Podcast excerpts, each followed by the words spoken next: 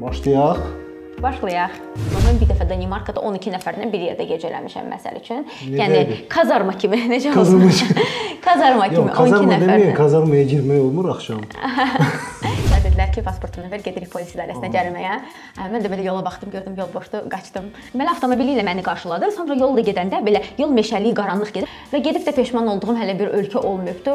Sərfəli səyahət etmək istəyirsinizsə, öncədən planlayırsınız. Bu birinci qaydadır. İş intervyusu mərhələsinə gəldikdə, müsahibə mərhələsinə gəldikdə mən sizinlə rahat danışdığım kimi danışa bilmir. Yəni vətənpərvərlik burdan başlayır. Yəni ki, müharibədə bayrağı taxıb da gəzməklə bulvarda məsələ bitmir. Cübləndim ki, siz bu qədər proyekt edirsiniz də, nə yaxşı edirsiniz, maliyyəniz yoxdur. Sonra başa düşdüm ki, bu sizin sırf cəmiyyət üçün olan bir təşəbbüsünüzdür. Xanım dəmir bazarına gedibdi, çünki oradan dəmir alırdıq. Sənin şəxsi biznesin olanda sən 9 saat işləmirsən də, sən işləyirsən 24 saat. Adım yaxşı fit çala bilirəm elə. Hə? Çala bilərsiniz? Ələkbərova Jalə Ələkbər qızı 1993-cü ildə Gəncə şəhərində anadan olmuşdur. Gəncə şəhər Uşinski adına 29 nömrəli tam orta məktəbi bitirmiş, Bakı Dövlət Universiteti və İqtisadiyyat Universitetində təhsil almışdır. Şəxsi biznes sahibi olmuş, hal-hazırda səyahət bloqeri və kəşfiyyat layihəsinin rəhbəri kimi fəaliyyət göstərir. Subaydır.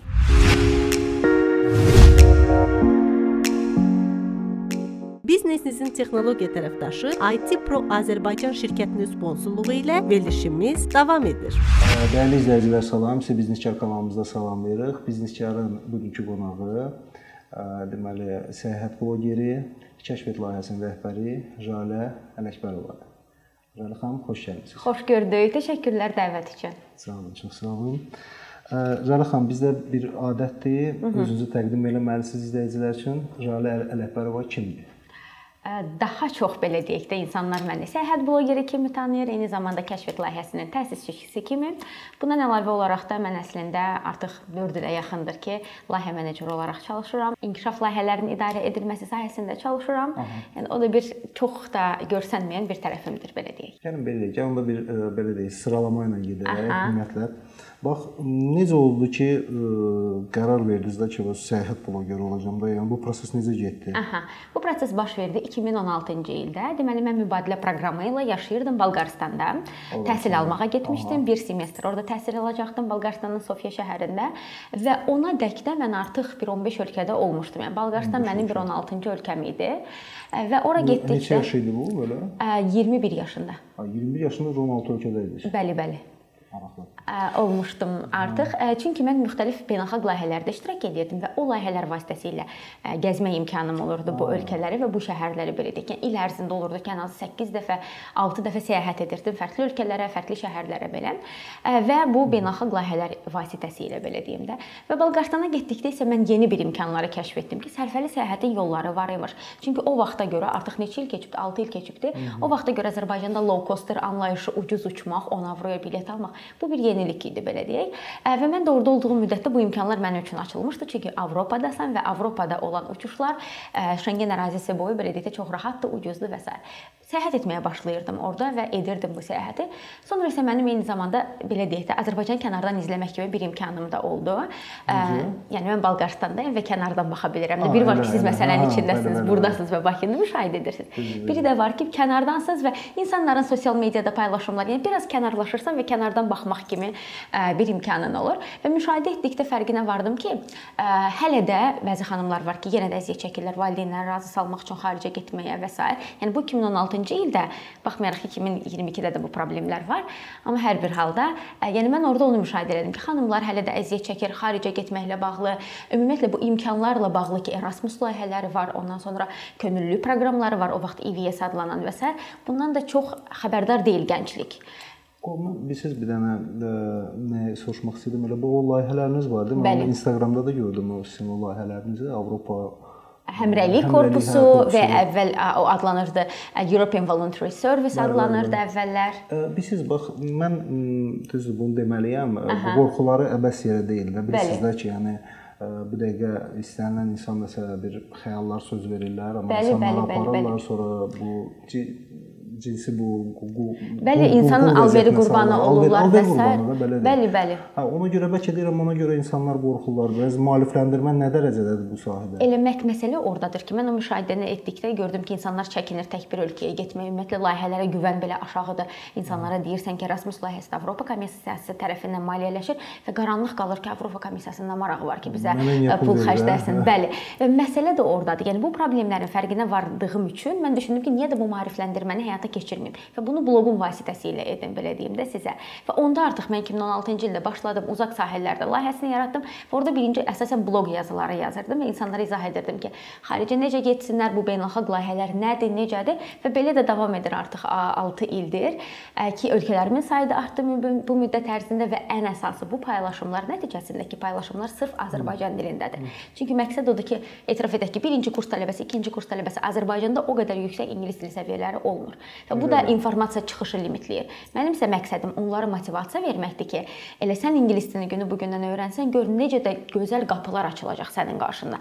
Rahat səyahət edəcəksən, gedib fərqli mədəniyyətləri kəşf edəcəksən, özün üçün gələcəkdə karyeran üçün çoxlu bacarıqlar, elə yumşaq bacarıqlara yiyələnəcəksən. Əslində Yəni belə mən baxanda bir belə baxanda yaxşıdır. İnansız biz ə, mən özüm yəni belə də dörd gözlə axtarardım ki, yəni elə bir insan olsun həqiqətən köməklik edə bilsin. Çünki özümüz də indi bilirsiniz də institut vaxtı yəni istəyirik ki, təbii ki, Bəli. ə, belə şeylər ingilis dilini təkmilləşdirək, belə əlavə gedək dünya görüşümüz artsın. Təbii ki, bu, bu vacib bir şeydir, amma gördüyünüz kimi bizim vaxtımızda yox, bəlkə də var idi biz bilmirdik, amma Məsələ ordadır. hə, Maarifləndirmə çox a- az idi, amma indi məsəl üçün bu 6 il sonra indi müşahidə etdikdə çoxlu şəxslər var ki, sırf fərdi inkişaf istiqamətində çoxlu paylaşımlar edirlər və ya imkanlarla bağlı paylaşımlar edirlər. Ha, yəni belə var. Bəli, bəli, artıq hamı biz əvvəl var idi ki, "Ə, elə özüm bilim bəsdir. İndi isə mən deyə bilərəm ki, hər kəs paylaşmağa açıqdır.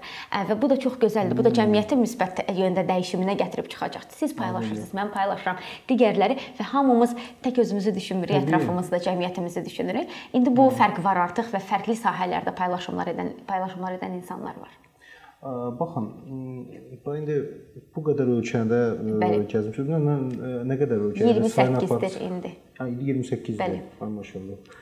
Mən də baxsam bir 3-4 tuz var. Deməli ki, bu görüşdən də sizi Misrə göndərməliyik. Hə, yox, mən biraz ə, başqa cür səyahəti sevirəm. İndi onun haqqında da danışarıq. Aha. Ə, Gəlin belə eləyək. Bax, aralarında bu səyahət elədiyiniz ölkələr arasında belə unudulmaz xatirələr buraxan məsəl üçün bir 3 ölkə varmı? Deyə bilərsiniz ki, bəli, bax bu ölkə aha, mən sizə tam səmimi ya deyim. şəhər deyək, ya. Bəli, bu getdiyim bütün ölkələr belə mənim üçün çox əzizdirlər, çox doğmadılar və hər birini sevərək getmişəm.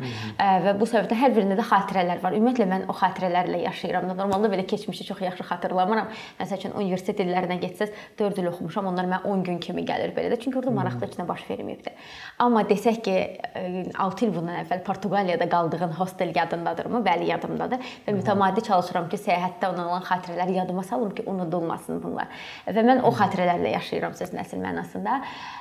Ən unudulmazı məsəl üçün mənim üçün Mərakeş idi. Yəni ilk dəfə idi ki, Mərakeş. bəli, Mərakeşə də getmişəm və ilk dəfə idi ki, əsasən Avropada səyahət edirdim. Mərakeşə gedəndə 2016-cı il idi və çox fərqli idi və eyni zamanda o qədər əziz və dəyərli idi mənim üçün. Çünki özünüz də yəqin izləmisiniz o klon serialı, o qədər bizə yer edilmişdi, o qədər maraqlı idi, fərqli idi. Gedib onu öz gözlərimlə görmək, fəsi görmək və sonra o inanılmaz təəssüratlar idi və eyni zamanda o fərqliliyi görmək ki, insanlar ə, orada necə çörək paylayırlar, necə ümumiyyətlə satış prosesi baş verir, necə yeməklər hazırlanır ki, sanitariya yoxdur ki, yenə yoxdur, amma hamı xoşbəxt şəkildə belə deyək də qidalanır. Orada heç kəs gözləmir ki, sən əlcək taxıb yemək ə, çəkəcəksən, amma nətər gəldi çəkir. Amma onunla belə hamı xoşbəxtdir və mən də o xoşbəxtlikdə belə deyək, o bu havadan zövq alırdım. Ondan sonra Nitsa məsəl üçün Fransanın cənubu inanılmazdı. Yəni mən ilk dəfə orada lazurni belik deyirlərdi. O firuzəyi rəngdədir və mən şokda idim ki, inanılmaz suyun rəngi. Bəli, belə baxıb qalmışdım ki, suyun rəngi belə ola bilər. Bu yəni bu dənizdir. Necədir? Baxmayaraq ki, Aralıq dənizini daha öncə də görmüşdüm də o inanılmaz idi. O xatirələr hələ də gözümün qabağındadır o lazurni belik. Ondan sonra başqa sizə hardan danışım? İordaniya, yəni. Petra məsəl üçün dünyanın 7 möcüzəsindən biri və di- bir digər məsələlər də bu emosiyaları qatan, bir tək o məkanlar deyil, bir də ki, xəyallarımın reallaşmasıdır.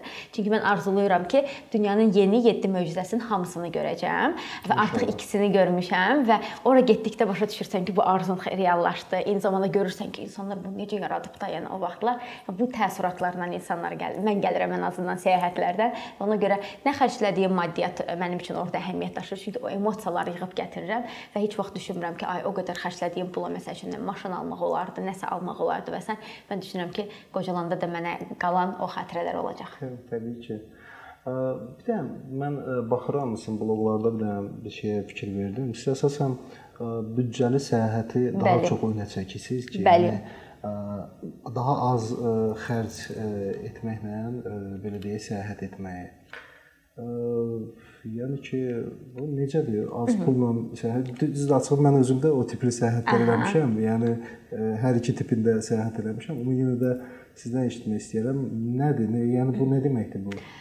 Sərfəli səyahət e, elə bloqun əslində bir 3 məqsədi var da belə deyək. Birinci məqsəd ondan ibarətdir ki, insanları maarifləndirmək, gənclərə ələxüsusda bu beynəlxalq layihələr, tədbirlərlə bağlı məlumatlandırmaq. İkinci sərfəli səyahətə ilhamlandırmaq, e, insanlar başa salmaq ki, sərfəli səyahət də mümkündür. E, Və üçüncü istiqamət isə bundan ibarətdir ki, fərdi inkişaf istiqamətidir ki, gənclər başa düşsün ki, könüllü fəaliyyət vacibdir, sosial aktivlik vacibdir, yumşaq bacarıqlar deyə soft skills kimi məqamlar var və onların üzərinə elə nə bilim 15-16 yaşından belə çalışmaq lazımdır. Yəni bu üç istiqamətdə mən fəaliyyət göstərirəm və o ikinci istiqamət sərfəli səyahət nədir? Niyə ümumiyyətlə ona ehtiyac duydum? Çünki bizdə bir fikir var ki, ay səyahət üçün çoxlu pul lazımdır. Ə, çünki hamının ağlına gəlir Antalya 5 ulduzlu otel, qəşəng yeyib içmək, bir də dəniz. Amma əslində Tək ki o dəniz xatirəsi üçün getmək istəyirsinizsə, istirahət üçün getmək istəyirsinizsə, elə daha öncədən planlaşdırıb, məsəl üçün Buta Airways ilə Bakıdan Alanya, Bakıdan Antalya ə, ya və bu kimi istiqamətlərə bilet almaq olar da, belə deyək də, ucuz yolla Bakıdan İzmirə. Bəli. Yəni indi hal-hazırda çox gözəl imkanlar var. Yəni Bakıdan Budapeştə uça bilərlər çox ucuz qiymətə, Abu Dabiyə gedə bilərlər. Seçimlər genişdir.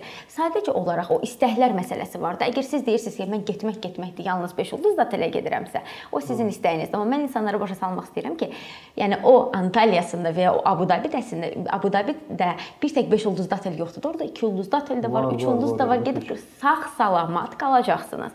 Və şərt deyil ki, siz taksilərdə gəzəsiniz. İctimai nəqliyyat var. Siz rahat ictimai nəqliyyatdan istifadə edə bilərsiniz. Yəni bunun yollarını izah etməyə çalışıram. Çünki mən inanıram ki, inkişaf səyahət vasitəsilə gəlir. Yəni insanlar gəzdikcə, gördükcə dünya görüşü dəyişir, fikirlər dəyişir, fərqli mədəniyyətləri görürlər, yaxşı nümunələri görürlər ki, sonra da onu gəlib Azərbaycanda tətbiq eləsinlər, ən azı görsünlər ki, a bu fərqlilik də var. Biz niyə elə bir belə deyək də daha konservativ düşüncədəyik? Yəni mən inanıram ki, inkişaf sırf səyahət vasitəsilə gəlir. Baxın, mən məsəl üçün elə bir şey olubmu ki, məsəl üçün ölkələrdə getmisiniz, hər hansı bir ölkə şəhərə deyək. Onların qayda-qanunları var və o qayda-qanunları pozmusunuz. Bircə dəqiqə görüm mən nə vaxt straf eləyiblər, yoxsa eləməyiblər. Hə, mən biraz qayda qanun pozmağa çox belə yaxşıyam. Çünki qayda qanun belədir də, yəni biletin qiymətləri çox baha olur. Məsəl üçün Avropada siz bir iki astanovka gedəcəksiniz, o bilet 3 avro pul verməlisiniz. 6 manat eləyir. Onu mən tez beynimdə manata çevirirəm. O biraz çətinləşdirir vəziyyəti. Və olur ki, Bolqarıstanda məsəl üçün bunu çox edirdim. Bolqarıstanda yaşayanda orada deməli siz avtobusa minəndə bilet alırsınız alırsınız. Biletin bir gedişi 1 manat 60 qəpik idi, düz yadımdadırsa. Aha, aha. Və o bileti belə deyək də puncher var, orada bir aparat var, salırsınız və o deşir onu, bəli. Aha, o deşir onu, o müəyyən deşiklər olur. Hər avtobusun öz deşiyi olur. Bir də kontrolyor olur ki, gəlirlər, yoxlayırlar. Hə, o prosta həmişə olmur. Həmişə olmur, bəli. Mən də orada yaşayanda müxtəlif taktikalar və texnikalar düşünürdüm ki, necə bileti alırdım, saxlayırdım, gedirdim, əyləşirdim pançerin yanında və hər dayanacaqda baxırdım ki, kontrolyorlar da qara geyinirlər. Var yoxsa yoxdur, var yoxsa yoxdur. Bir dəfə ilişmişdim orada, hə. Sonra hətta o dərəcədə ilişmişdim. Yox, qaçmışdım, yəni yanına. hə, belə əməli başda məni tutdular orada. Necə oldu? Onlar girəndə mən tez panç eləmək istəyirdim. Onlar başa düşdülər ki, yox da çox da ağıllı deyilsən əzizim gəl. Düşürtdülər məni avtobusdan, avtobusdan düşürtdülər. Dedilər ki, pasportunu ver, gedirik polis idarəsinə cəriməyə. Mən də belə yola baxdım, gördüm yol boşdur, qaçdım. Qaçdım, qaçdım Aa, sonra yenə qaçdı. Tutulandan sonra yenə qaçdı. Onlar orada məni tutmuşdular ki, cəriməsin, cərimələsinlər, amma qolumdan falan tutmamışdılar da, yəni prosta söhbət edirdilər. Mən də belə yola baxdım, yolun qırağındaydı. biz bilərik. Gördüm yol boşdur, tez qaçdım o tərəfə doğru və sonra amma çox stressli idi. Yəni 1 manat 80 qəpiyə dəyməzdi də o qədər. Sonra ürəyim yerindən çıxırdı, belə özünə gəlmək bilmirdim ki, o boşu biabırçılıq. Amma indi artıq özümə əziyyətləri vermirəm. Yox, bir dəfə belə dərs götürmüşəm. mən belə yadımdadır. Mən məsəl üçün Moskvada olanda onlarda da eyni tipli idi. Bəli. O tiplə işləyirdi. Biz mən daima cibimdə bilet olurdu və biletlə gəzirdim, ay gəzirdim, gəzirdim və lazım olanda ancaq görürdüm, gəlir onda vururdum. Hə, vururdu. Hə, vururdum. Yəni ki, belə şeylik olur belə şeylər. Bir də ə, bax ə, səyahətdə çox maraqlı bir məqam bilirsiniz nədir? Bu yemək məsələsidir. Çünki bizim ə, belə deyək, də ratsion elədir ki, biz biraz ə, əslində mən ə, istənilən yeməyi yeməyə hazıram, yəni ki, o orada bir problem olmur məndə. Sadəcə olaraq bir ə, xatirəmi yadıma salmaq istəyirəm. Ə, Mən ə, birinci dəfə Dubayda olanda gəldim, ə, gəldim, istədim yemək yeyəm. Onlarda da orada çox qəribə belə hə- hər yerdə o belə bir ə, çox qəribə Ətir bir var. ətir var. Bəli. iyi var. Ədviyyatın Hə, O ətridir. hər yerdə də. Hə belə ədviyyatın, ədviyyatındır. Siz təsəvvür eləyin ki, mən orada olduğum 3 gün ərzində Bəli. o ədviyyata indiyinə görə ümumiyyətlə yaxın durmadım yeməyə, arıqlayıb gəlmişdim orada. Ha, təsəvvür edin, arıqlayıb gəlmişdim. Hətta nə vəziyyət nə idi? Hətta biz McDonald's-da belə getsə, McDonald's-da da o var idi o ətir. Aha. Yəni hər yer o idi, hər yer elə idi. Bax, ə, sizdə belə bir anlar olubmu ki, məsələn, getmisiniz, yəni və ya baha olubdu, ya Aha. nə bilim şey olub, heç nə ye- yeyə bilmirsiniz. Bəli, belə olubdu. Mən ümumiyyətlə e, bir də onu deyim, kaprizli biri deyiləm. Mən yəni qurman da deyiləm ki, daş da yumşaq nə Hə, olsa, hə, yəni əsas məsələ yeyim, ac qalmayım. Bu prinsiplə səyahət edirəm. Avropada ələxüsus belə olur ki, a- sən restoranda əyləşmisənsə, azı bir 15 avro ödəməlisən də. Bu da bizim pulu 30 manat eləyir və 15 avro gündə 3 dəfə belə qidalanmısan. Ona görə mən ə, sendviçlər düzəldirdik, belə deyək də evdən çıxanda səhər zavtrakımızı eləyirdik evdə. Ondan sonra günorta yemək üçün öncədən sendviç hazırlayırdıq. Daha Axşama da başa artıq gəlirdi, bəli, hə? daha ucuza başa gəlirdi. Axşama artıq restoranda yeyirdik, belə planlaşdırırdım. Amma sırf ac qaldığım bu Hindistanda baş veribdi. Hindistanda ə, belə idi ki, çox ədviyyatlıdır yeməkləri. Mən ümumiyyətlə acı heç nə yemirəm və bütün mənim Hindistan səfərim sadəcə orada çörəkləri var, nan adlanır. O çörək və sudan ibarət olubdu. Çünki qalan nə yeyirdin, hamısı çox acı idi. Bundan əlavə olaraq da elə onun qonşusu Şri-Lanka ki, təzəlikcə gəlmişəm, mart ayında getmişdim və bizə Şri-Lankada zülm verdilər də sözün əsl mənasında. Çünki bir dənə ədviyyatlı, ədviyyatsız yemək yox idi da belə deyim sizə. Hər şey toyuq yeyirsən, ədviyyatla da düyü yeyirsən, ədviyyatla da nə qədər izah edirsən ki, xahiş edirəm ədviyyatını az əlavə elə, yenə görsən ki, alışıb yanırsan. Belə olurdu və siz deyirsiniz McDonald's, onların da deməli ki, pizza hatları var. Pizza hatda sən toyuqlu pizza sifariş verdinsə, o belə ac gəlir. Yəni belə bir təcrübə yaşamışam. Yox, mən onlardan sonra öyrəndim o məsələni. Onlar ə, sən demə isti ölkə olduğuna görə daha çox mikrobları öldürür. Bəli, bəli. Elə eynən Hindistanda da elədir. Abu Dabidə də bir təzəlikçi olanda mart ayında Abu Dabidə də eynən biz yerli əhalinin daha çox qidalandığı yerə gedirdik. Çünki daha ucuzdur, daha maraqlıdır. Ə, Əllərinlə yeyirlər. Çox Amma maraqlı idi onlara müşahidə etmək. Küçədə mən deyim ki, küçədə yemək, yeməklər hansı ki verirlər, həqiqətən dadlı yeməklərdir. Bəli, bəli. Dadlı yeməklərdir. Mən ə, sonradan onu tapdım, təbii ki, axtarışlardan sonra. Tapdım ki, belə şey özü birinci dəfədə tapmadım, ikinci dəfə gedəndə Bəli. tapdım elə ki, çöldə də yemək olarmış.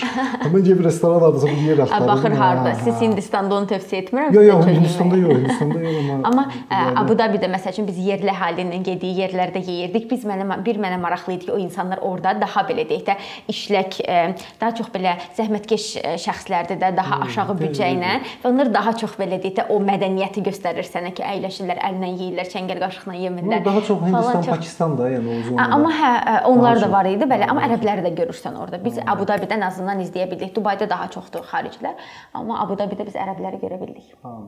Baxın, bax, ə, büdcəli səyahətin bir dənə çox maraqlı məqamı özünlə ə, paltar götürməkdir. Bəli, əşyalar, bəli. Biz ə, mən gedəndə ümumiyyətlə bir dənə böyük bir ım, çanta ilə bir özümlə götürürəm paltar, çünki orada mən onu heç vaxt yuya bilməyəcəm, bir şey edə bilməyəcəm və səyahət elədiyin yerlər kurort zonası olduğuna görə çox bahalı olur. Orada nəsə almaq yəni mənasızdır. Yəni mən çox götürürəm adətən özümdən və istifadə edirəm də, belə deyim. Amma büdcəli səyahətdə bilirsiniz də o məhdudiyyətimiz var. Bəli.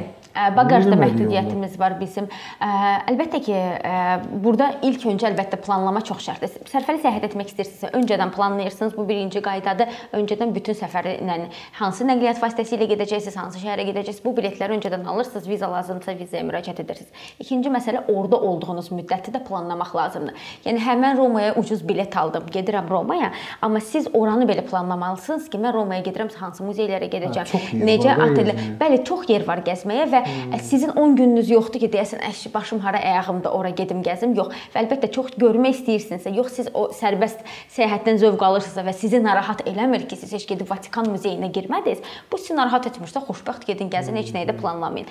Yox, siz deyirsinizsə ki, getmişkən Vatikan muzeyini görəcəm, Kolizeyə girəcəm, məsəl üçün Romada və başqa yerləri görəcəm, bunu planlamaq lazımdır ki, həm vaxtınız baxımından planlayasınız, çünki sizin əksər halda sərfəli səyahətdə 10 gününüz olmur, limitli olur, 1-3 gününüz, 5 gününüz olur ki, onu doğru planlayasınız. Hansı muzeylərə gedəcəksiniz, hansı marşrutlardan istifadə edəcəksiniz, nəyə ayaqla getmək olar, nəyə avtobus bileti almaq lazımdır. Yəni bu kimi məqamları dəqiqləşdirmək lazımdır. Zaxın bu yəni paltarları ona uyğun seçməliyik ona görə. Bəli, bəli, paltarları da eynən ona uyğun seçməlisiniz. Öncədən baxmaq lazımdır hava durumuna. Hava durumundan sonra gəlirik, keçirik paltarlarımıza baxırıq. Sonra hesablayırıq neçə gün orada qalacaq, neçə günə bizə neçə paltar lazımdır, o belə hesablanır. O paltarları yığdınız. Sizin baqaj tələbiniz var. Baxır hava hansı hava yolları ilə gedirsiniz, amma low coster, yəni bu ucuz və sərfəli hava yollarıdırsa, onların tələbləri var. Ya siz baqaj alırsınız, ya da ki, baqajsız yalnız bel çantası ilə Yox, gedirsiniz. Yox, büdcəli gediriksə də, yəni büdcəli getməsək aydın məsələdir ki, hər şey var da artıqlamasını Büdcəlidə də yenə baqaj da seçə bilərsiniz və ya yalnız bel çantası seçə bilərsiniz, biletin növündən asılı olaraq və orada artıq bu hamısı planlamadandır. Havaya baxdıq, qalacağımız gün sayına baxdıq, əşyaları elə yığdıq. Amma siz məsəl üçün gün sayına görə deyirsiniz ki, 3 dənə paltar, bir üçünü də götürürsüz ki, əşi bu çirklənir, bu ilə elib gedirsiniz. Amma sərfəli səyahətdə elə olmur, çirklənər, orada yuvaram, həll eləyərəm məsələni. Kimi yanaşmaq lazımdır. Çünki baqajınız böyük, ölçüsü böyük olduğu təqdirdə siz əlavə ödəniş eləyəcəksiniz bunun üçün. Və ya da ki, bir dənə də alternativ variant var. Üstünə giy, üzər üst-üstə geyinirsiniz və elə keçirsiniz. Yəni bizdə çarə tükənmir söz nəsil mənasında. Həmişə variant var. Bir dəfə mənim yadımdadır belə qaydanda mən səhv eləmirəmsə isti ölkələrdə hardasa qaydırdıq. Qaydanda həmin vəziyyət idi məndə. Üst-üstə geyinirdim. Mən o qədər olur. Yox, üst-üstə gedəndə geyinmişdim. Orada Aha. mənə isti oldu, çıxanda isti oldu təbii ki. Yəni mən Bəli. gözləmirəm Bakı ilə oranın arası. Deməli siz də hava durumuna baxmamışdınız. Baxmaq Baxmamışam. lazım. Yox, baxmamışam. Sonra qaydanda da, qaydanda da əksinə Əksinə baqajım var idi deyə üstümdə heç nə yox idi. Sadə futbolkadaydım. Hə. Futbolkadaydım. Çaya çıxanda gördüm ki, yox, əvvəl sənə çıxmamışdan qabaq gördüm. Nəsə ə, belə deyək də, orada sədər salar, yəni gülürlər, eləyirlər. Mən də başa düşməmişdim nədir. Amma biz çıxanda, artıq çıxanda başda gördük soyuqdur.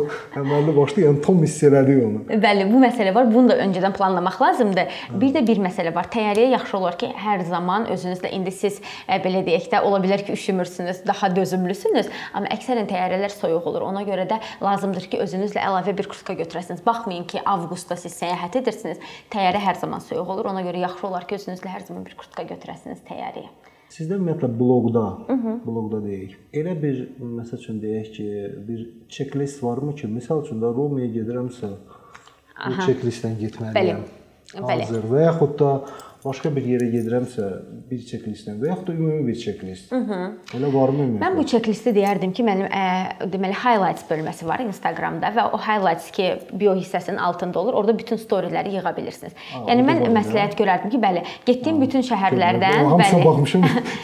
Highlights-a baxmamışdım. Getdiyim şəhərlərdən o bütün müddət ki, mən paylaşım edirəm, yəni çalışıram ki, 24 saat paylaşım edim və orada çox ətraflı danışıram hər şeydən. Bu belə oldu, bu belə oldu və s. Siz mənimlə onlayn elə səyahət edə bilirsiniz və ümumi ümumiyyətlə o məsələ orayla bağlı bilməli olduğunuz hər şeyi o storylər vasitəsilə öyrənirsiniz. Bundan əlavə olaraq mütləq şəkildə deməli paylaşımlar edirəm, postlar edirəm tutalım Şri-Lankaya gedəndə nə lazımdır, Abu-Dabiyə gedəndə nə lazımdır və o postların da hamısını hashtaglərə yığmışam. Tutalım ki, hashtag işarəsi, yəni DS, ondan sonra jalla və getmək istədiyiniz şəhəri yazın axtarış bölməsində. Onunla bağlı nə postlarım varsa hamısı çıxacaqdır. Yəni bunu belə izləyicilərə rahat, əlverişli tapa bilmələri üçün o jalla hashtagini eləmişəm. Çünki sadəcə yazsam məsəl üçün ə, Türkiyə və ya İstanbul yazsam çıxmayacaq. İstanbulla bağlı hashtag çoxdur, amma Jalla İstanbul tək mənəm Jalə və İstanbul yazıram. Ona görə belə axtarış ə, üçün belə rahat. asan Mən, mən eləmişəm. çünki özüm də heç fikir vermədim ora. Mən sonra e, Bəli. baxırdım bloqda baxdım mövzulara, gördüm həqiqətən maraqlı. Sizlə məsələyə toxunmaq istəyirəm. Bax, orada təbii ki, başqa ölkələrə gedəndə e, belə deyək də biz otel seçimi var da bizdə. Bəli. Əsas məqamlardan biridir. İndi otel ola bilməz, olarla hostel olar, otel olar, nə bilim. Airbnb-dən ev olar və ya Couchsurfing-dən qalarsınız. Couchsurfing. Bax, bunu soruşmaq istəyirəm. Ümumiyyətlə ə, izləyicilərə bunların anlamını hamısını ə, bildirərsiniz ki, bilsinlər nədir. Aha. Ə, Couchsurfing mən o maraqlı gəldi. Mən Oradan başlayaq eləməmişəm onda. Ona görə mənə çox maraqlı gəldi. Gəlin oradan başlayaq. Deməli ki, Couchsurfing nədir? Belə bir platformadır. Necə ki Facebookda insanların profilləri var. Eynən Couchsurfingdə insanlar daxil olur, öz profillərini yaradırlar, özləri ilə bağlı məlumatları yerləşdirirlər, şəkil yerləşdirirlər və 3 tip olur. Deməli ki, ya siz profiliniz var və deyirsiniz ki, mən qonaq qəbul etməyə hazıram, evimdə gələn gəlmək istəyən varsa Bakıya, gəlsin mənim evimdə qala bilər. Ya ikinci tip insan olur ki, axtarışdadılar, yəni insanların profili var, qonaq falan qəbul etmirlər, amma gedəndə qalmaq istəyirlər məsəl üçün kiminsə evində. Tutalım ki, mənim profilim əsasən elədir. Profilimi yaratmışam və getmək istəyəndə harasa o profil vasitəsilə yazıram digər insanlara ki, kimin ki belə deyək də Milanda məsəl üçün ev axtarıram. Yazırsan Milan və oradan sənə siyahı çıxır ki, hansı insanlar qonaq qəbul edir Milanda, kimin ki profili var e, Couchsurfingdə. Bir də üzr istəyirəm. Qonaq yəni ki, pulsuz yəni. Bəli, pulsuz, tam təmənnasız, pulsuz. Couchsurfingin ideya- ideyası elə bundan ibarətdir ki, səyahət sevər özləri üçün bir platforma yaradıblar və bu platformada ideya odur ki, səyahəti daha rahat etmək, səyahəti daha aşağı büdcəli etmək. Məsəl üçün siz deyək ki, italyansınız, səyahəti sevirsiniz, mən də Azərbaycanlıyam. Mənim də profilim var Couchsurfingdə sizin də. Siz istəyirsiniz ki, səyahət edəsiniz və otel xərclərinizi azaldasınız da və bu Couchsurfingdən faydalanırsınız. Gəlirsiniz, mən sizi qonaq edirəm və məsəl üçün mən də Milana gələndə siz məni qonaq edəcəksiniz. Yəni ideya bundan ibarətdir ki, insanlar başa düşür ki, səyahət nə dərəcədə əhəmiyyətlidir, necə gözəldir, amma ki, maddiyyat bunu limitləyir və o maddiyyat məsələsini həll etmək məqsədi ilə belə pulsuz gecələyə bilirsiniz fərqli-fərqli insanların evində. O adamlar niyə? Əlbəttə ki, indi bir sual yaranır ki, millət dəlidir evinə tanımadığı adamı salacaq, necə olacaqdı? Elə deyil. Yəni orada o qədər bir mühit var ki, bir şəbəkədir, bir dəyər var ortada ki, səyahət dəyəri. İnsanlar başa düşür ki, əlbəttə ki, manyak da gəlib mənim evimdə qala bilər. Yəni bu fərqlidir, e, ola bilər. Bilmək olmur, amma onu necə bilmək olur? Deməli ki, əsas ideya və dəyər ondan ibarətdir ki, bəli, sən də səyahət sevərsən, mən də səyahət sevərəm.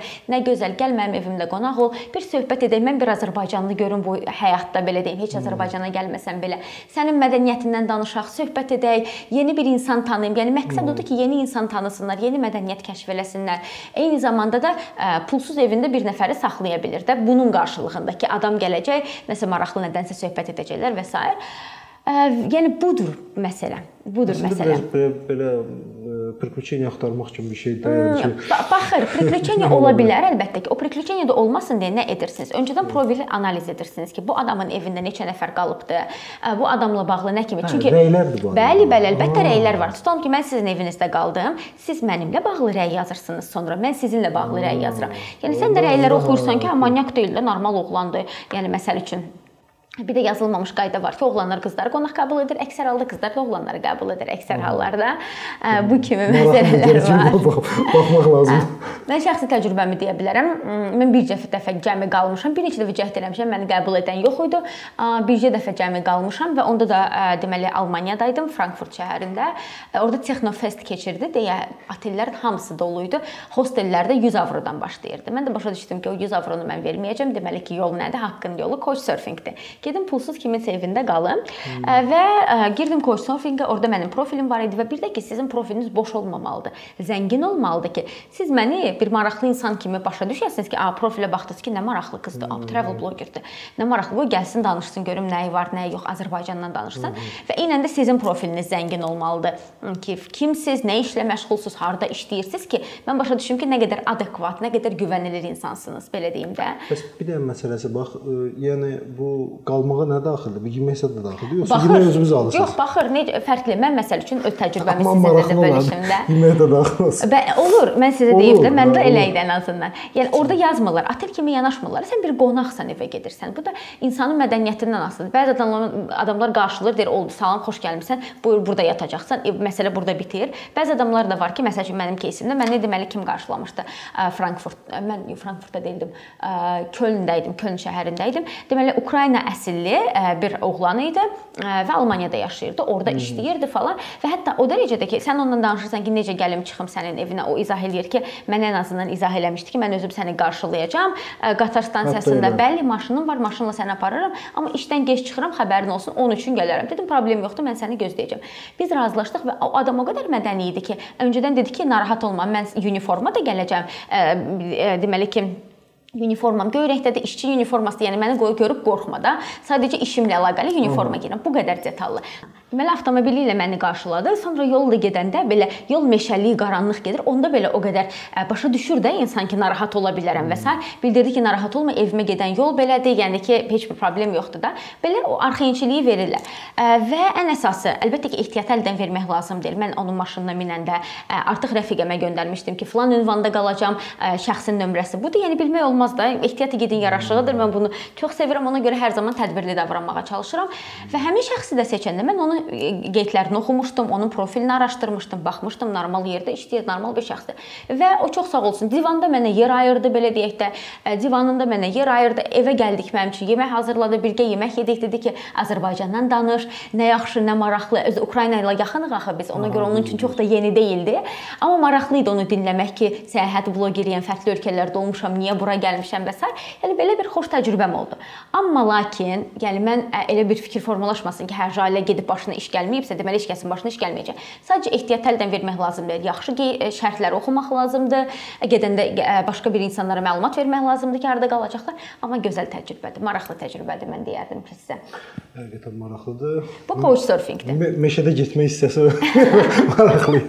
Həmin ekstremi sevirəm və bu da bir siz bu da bir xatirədir mənim həyatımda. Çünki düşünürəm ki, qocalanda məni yadımda qalan bu xatirələr olacaq. Ona görə bəli, hər çalışmışam ki, hər şey yoxum. Hostellərdə qalmışam. Elə olub ki, indi Hostel hostelə nədir? keçid Hə, alaq. hostel nədir? Hostel nədir? Hostel oteldən daha aşağı xidmət təklif edən bir belə deyək də məkanlardır. Gecələmək üçün bir məkandır və hosteldə dorm adlanan, yəni dorm da tərcümədə yataqxanadır da. Yataqxana adlanan otaqlar var. O otaqlar 3 növ olur. Ya ə, deməli ki, qarışıq dormlar, yəni kişilər və qadınlar bir yerdə gecələyir, ya xanımlar üçün olan yataqxanalar və kişilər üçün olan yataqxanalar. Və yataqxana da dedikdə orada ya 6 yataq olur, ya 4 ya 2 fərqlidir saydan asılı olaraq Ə, və o da qiymətə bilavasitə təsir göstərir. Tutalım ki, siz Yəni 5 nəfərlik otaqda qalırsa onun qiyməti daha ucuz olacaq, 2 nəfərlik otaqda qalırsa onun qiyməti daha ucuz olacaqdır.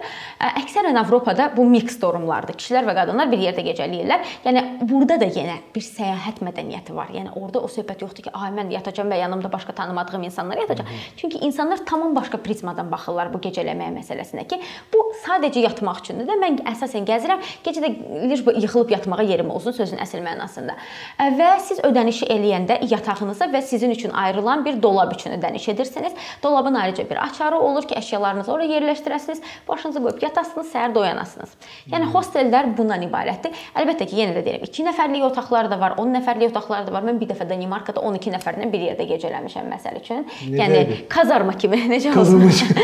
kazarma kimi Yox, 12 kazarma kazarmaya girmək olmur axşam.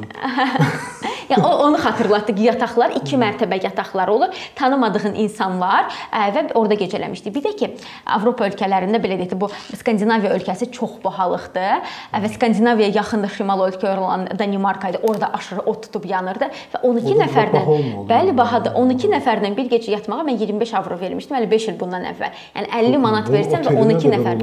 O çox baha, çox-çox baha idi. Və hostel ona görə hər zaman gözəldir ki, sizə bir imkan tanıyır ki, 10 avro verəsiz, 15 avro verəsiz, bir gecə qaldınız. 12 nəfərlə bir Ya, yerdə 12 bir otaqda Baxır hostelinə, baxır hostelinə. Bir də ki siz düşünməyin, o, o, o belə orada belə hər şey nəzərə alınıbdır. Yəni siz 12 nəfərlə yatırsınız, amma sizin məsəl üçün əksər halda olur ki, ə, deməli sizin ə, o, yatağınız 2 mərtəbəlidir. Aşağıda belə Hə, pərdəniz olur, hə, kitab olur. oxumaq üçün işığınız olur. Yəni tam da elə deyil ki, hə, yatım və s. yox da, yəni o bütün şəraiti də sizə yaradıblar ki, səs-küy- rahat olsun. səs-küy Yox, hamı çox mədənidir, insanlar bir-birinə diqqət edir. Gecə mən məsəl üçün gəlmişəm saat 12 salondakı da işıq sönülüdür. Şap deyə mən pul vermişəm deyə işığı yandırıb keçmirsiniz də içəri. Hamı bir-birinə hörmətlə və mədəniyyətlə yanaşır da ki, yatılı insanlar və ona görə ə, nə etmək lazımdır? Sakitcənət otağına. Hə, sakitcənət keçirsiniz otağınıza, telefonunuzun işığını yandırırsınız, belə keçirsiniz. Amma yox otağın işığını yandırıb gecə saat 12-də gəlmisən, bağışla da, yəni ona kimidir məsəl üçün. Bu yazılmamış bir qaydalardır insanın artıq özünün tərbiyəsinə də baxır. Hə, məsələn Airbnb Aha, Airbnb nədir? Airbnb isə ev kirayə təzəlisə eləməkdir. bu formalaşır. Təzəlisə Yox. yəni yəni e, belə deyək də, otelə baxanda, yəni Booking Booking daha əvvəl idi. İndi sonra Ola e, yaranma ilini deyəməyəcəm sizə, amma onu deyə bilərəm ki, 2015-ci ildə mən Airbnb-dən ev tuturdum. Yəni o dərəcədə bir 7 il bəli Airbnb-dən ev tuturdum. Deməli Airbnb nədir? Siz ev kirayələyə bilirsiniz. Ev kirayələyə bilməklə bağlı. Bəli, günlük ev kirayələyə bilirsiniz. Biri var ki, siz getdiniz hostel və ya otel tutdunuz, yəni hamımızın bildiyi otel Milanda qaldınız. Biri də var ki, tutalım ailənizlə getmisiniz. İstəyirsiniz ki, rahat mətbəxiniz olsun, özünüz olasınız evdə. Belə daha özünüzü lokal hiss eləyəsiniz də. Yeməyinizi bişirəsiniz, oteldə bu imkan yoxdur. Səhər yeməyinizi yeyəsiniz, axşam yeməyinizi bişirəsiniz. Bu ev daha gözəl imkandır. Dostlarla səyahət etdikdə, ailə ilə səyahət etdikdə bu daha ucuz və daha belə deyək də rahat başa gəlir. Və nə edirsiniz? Airbnb saytına daxil olursunuz, orada bir profil yaradırsınız.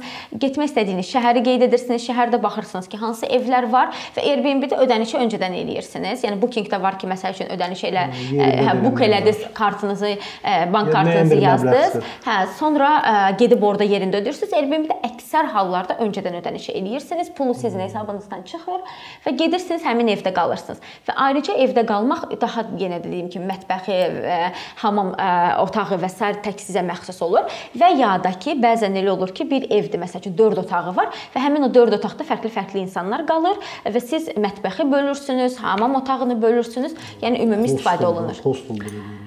Hosteldən daha rahat olur. Hostel kazarmada 12 nəfərlə də yata bilərsiniz, 5 nəfərlə də yata bilərsiniz. Burada isə 2 nəfərlik otaqda. Yəni fərqli olur. Bəzən orada da qeyd olunur ki, ə, yəni evlər məsəl üçün shared ə, apartmentdır da, yəni başqa insanlarla bölüşəcəksiniz və ya da ki qeyd olunur ki, tək sizə məx- məxsus olan bir apartamentdir.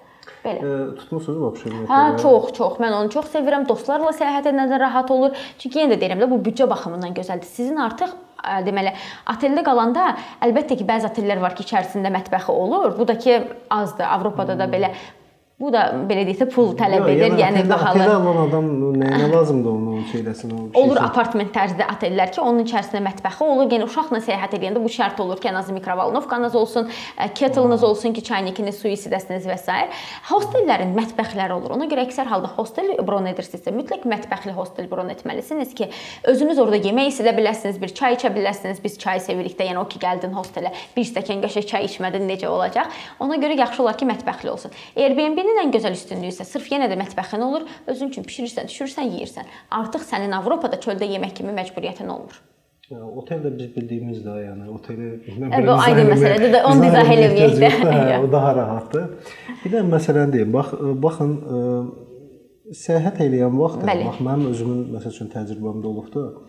E, bir bir şəhəri mən həm belə çox ə, büdcə xərcləyərək də keçə eləmişəm. Bəli. İstirahət eləmişəm. Çox qəşəng, belə şah, şah balası kimi deyim. Hə, və bir çox belə ə, belə bir kasıb kimi də səyahət eləmişəm. Belə deyək. Kasıb deyəndə kasıb de demək istəmirdim. Yəni e, pul Daha az büdcəli, büdcə ilə, daha az belə, bəli, ilə, bəli. Hə, daha az büdcə ilə, daha dəqiq desək. Siz təsəvvür edin ki, yəni emosiyalar fərqli-fərqli. Elə bil Bəli. iki, dənə fərqli yerdə olursa. Bəli. O Tamamilə getdiyiniz fərqli. məkanlar da dəyişir çünki həmin o kriteriyalara görə də, yəni siz ə, şah balası kimi səyahət edəndə şah balasının getdiyi yerlərə gedirsiniz, o restoranlarda əyləşirsiniz, ə, o otellərdə gecələyirsiniz. Sərfəli səyahətlə getdikdə tamam fərqli məkanları görürsüz. Yerli əhalini daha yaxşı görə bilirsiniz. İstər Avropasında olsun, istər ə, başqa şəhərlərində olsun, siz daha ucuz yer axtarırsınız, o yerli əhalinin qidalandığı restoranları tapırsınız və ya o belə deyək ki, ə, küçə yeməyi satılan yerlərə gedirsiniz. Ona görə daha fərqli emosiyalar olur. Mən ikincisindən yanayam. Çünki heç cür o 5 ulduzlu otel gözəldir, rahatdır, amma mənim üçün məsəl üçün o, o qədər emosiya vermir də ki, mən Rixos oteldə qalmışam misal üçün və Rixosda o ə, görürsən ki, çeşid və çeşid yeməklərdir və s. Çünki mən qurman da deyiləm, bəlkə yeməkdən çox zövq alıram ona görə. Baxır ki, məsəl üçün səyahətə nə, nə edirsiniz? Məsəl üçün əgər e, belə deyək, Romaya gedirsənsə, orada 5 ulduz tutan tutmağın mənası yoxdur. Razıyam, tamamilə Orada bir 3 ulduz tutun və yaxud da hostel. Getdin, gəzdin. Gəzirsən də hosteldə. Amma məsəl üçün gedirsən harda hardasa məsəl üçün sən dəniz qırağında dincəlirsən, istirahət edəcəksən, niyə də yaxşı olmasın? Hə, niyə də yaxşı olmasın, amma mən yenə də yəni əsas da ekstrem olsun, əyləncə olsun, bəli. Yox, Çünki olsun, orada da olur da. 5 ulduz o sonra fikirləşəcəm axı. Yox, necə biri var ki, ota ev otelin məsələn gecəsinə 500 manat vermirsən və səhər çıxırsan, axşam qayıdırsan, o fikrim o 500 manatda qalacaq. Əgər təbii ki, daim o şeylərdə iştirak edirsənsə, çıxırsan. Bəli, bəli. Təbii ki, maraqsızdır. Elə elə yer götürmək yəni həqiqətən sərfəli. Sadəcə israfdır, belə. İsrafdır, bəli. Gəlin belə danışaq. Bunu bir dənə bunu cəmləyək, sonra növbəti mərhələyə keçək. Deməli, mən belə başa düşdüm ki, yəni siz səhv olsam məni düzəldərsiniz. Deməli, bizim tələbələr ümumiyyətlə kim ki biraz özünü inkişaf elətdirmək istəyir, bir başqa dünyanı görmək istəyir, dünyanın bir başqa yerini görmək istəyir, belə deyim, dünya görüşünü dəyişmək istəyir.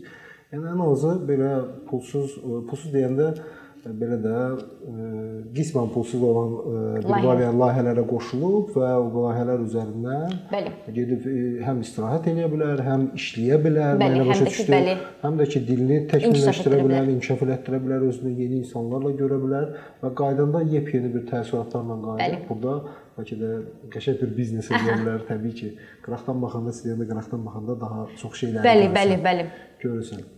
Bu bunu deyək ki, bu belə. Mən bunu başa düşdüm. Bir də ki, sizin bu travel həqiqətən blogerlik, yəni möhtəşəmdir. Yəni açıq mən bilmirəm Azərbaycanda ə, nə qədər var. Biz araşdıra-araşdıra gedirik. Elə birinci siz qabağımıza çıxdınız. Amma araşdırırıq yenə travel blogerlər biznesi mən əslində istəyərdim ki, inkişaf eləsinlər. Təbii ki, nə qədər çox məlumatlandırsaq insanları bir o qədər çox, onlar daha sərfəli istirahət etmək imkanları olur. Bu belə.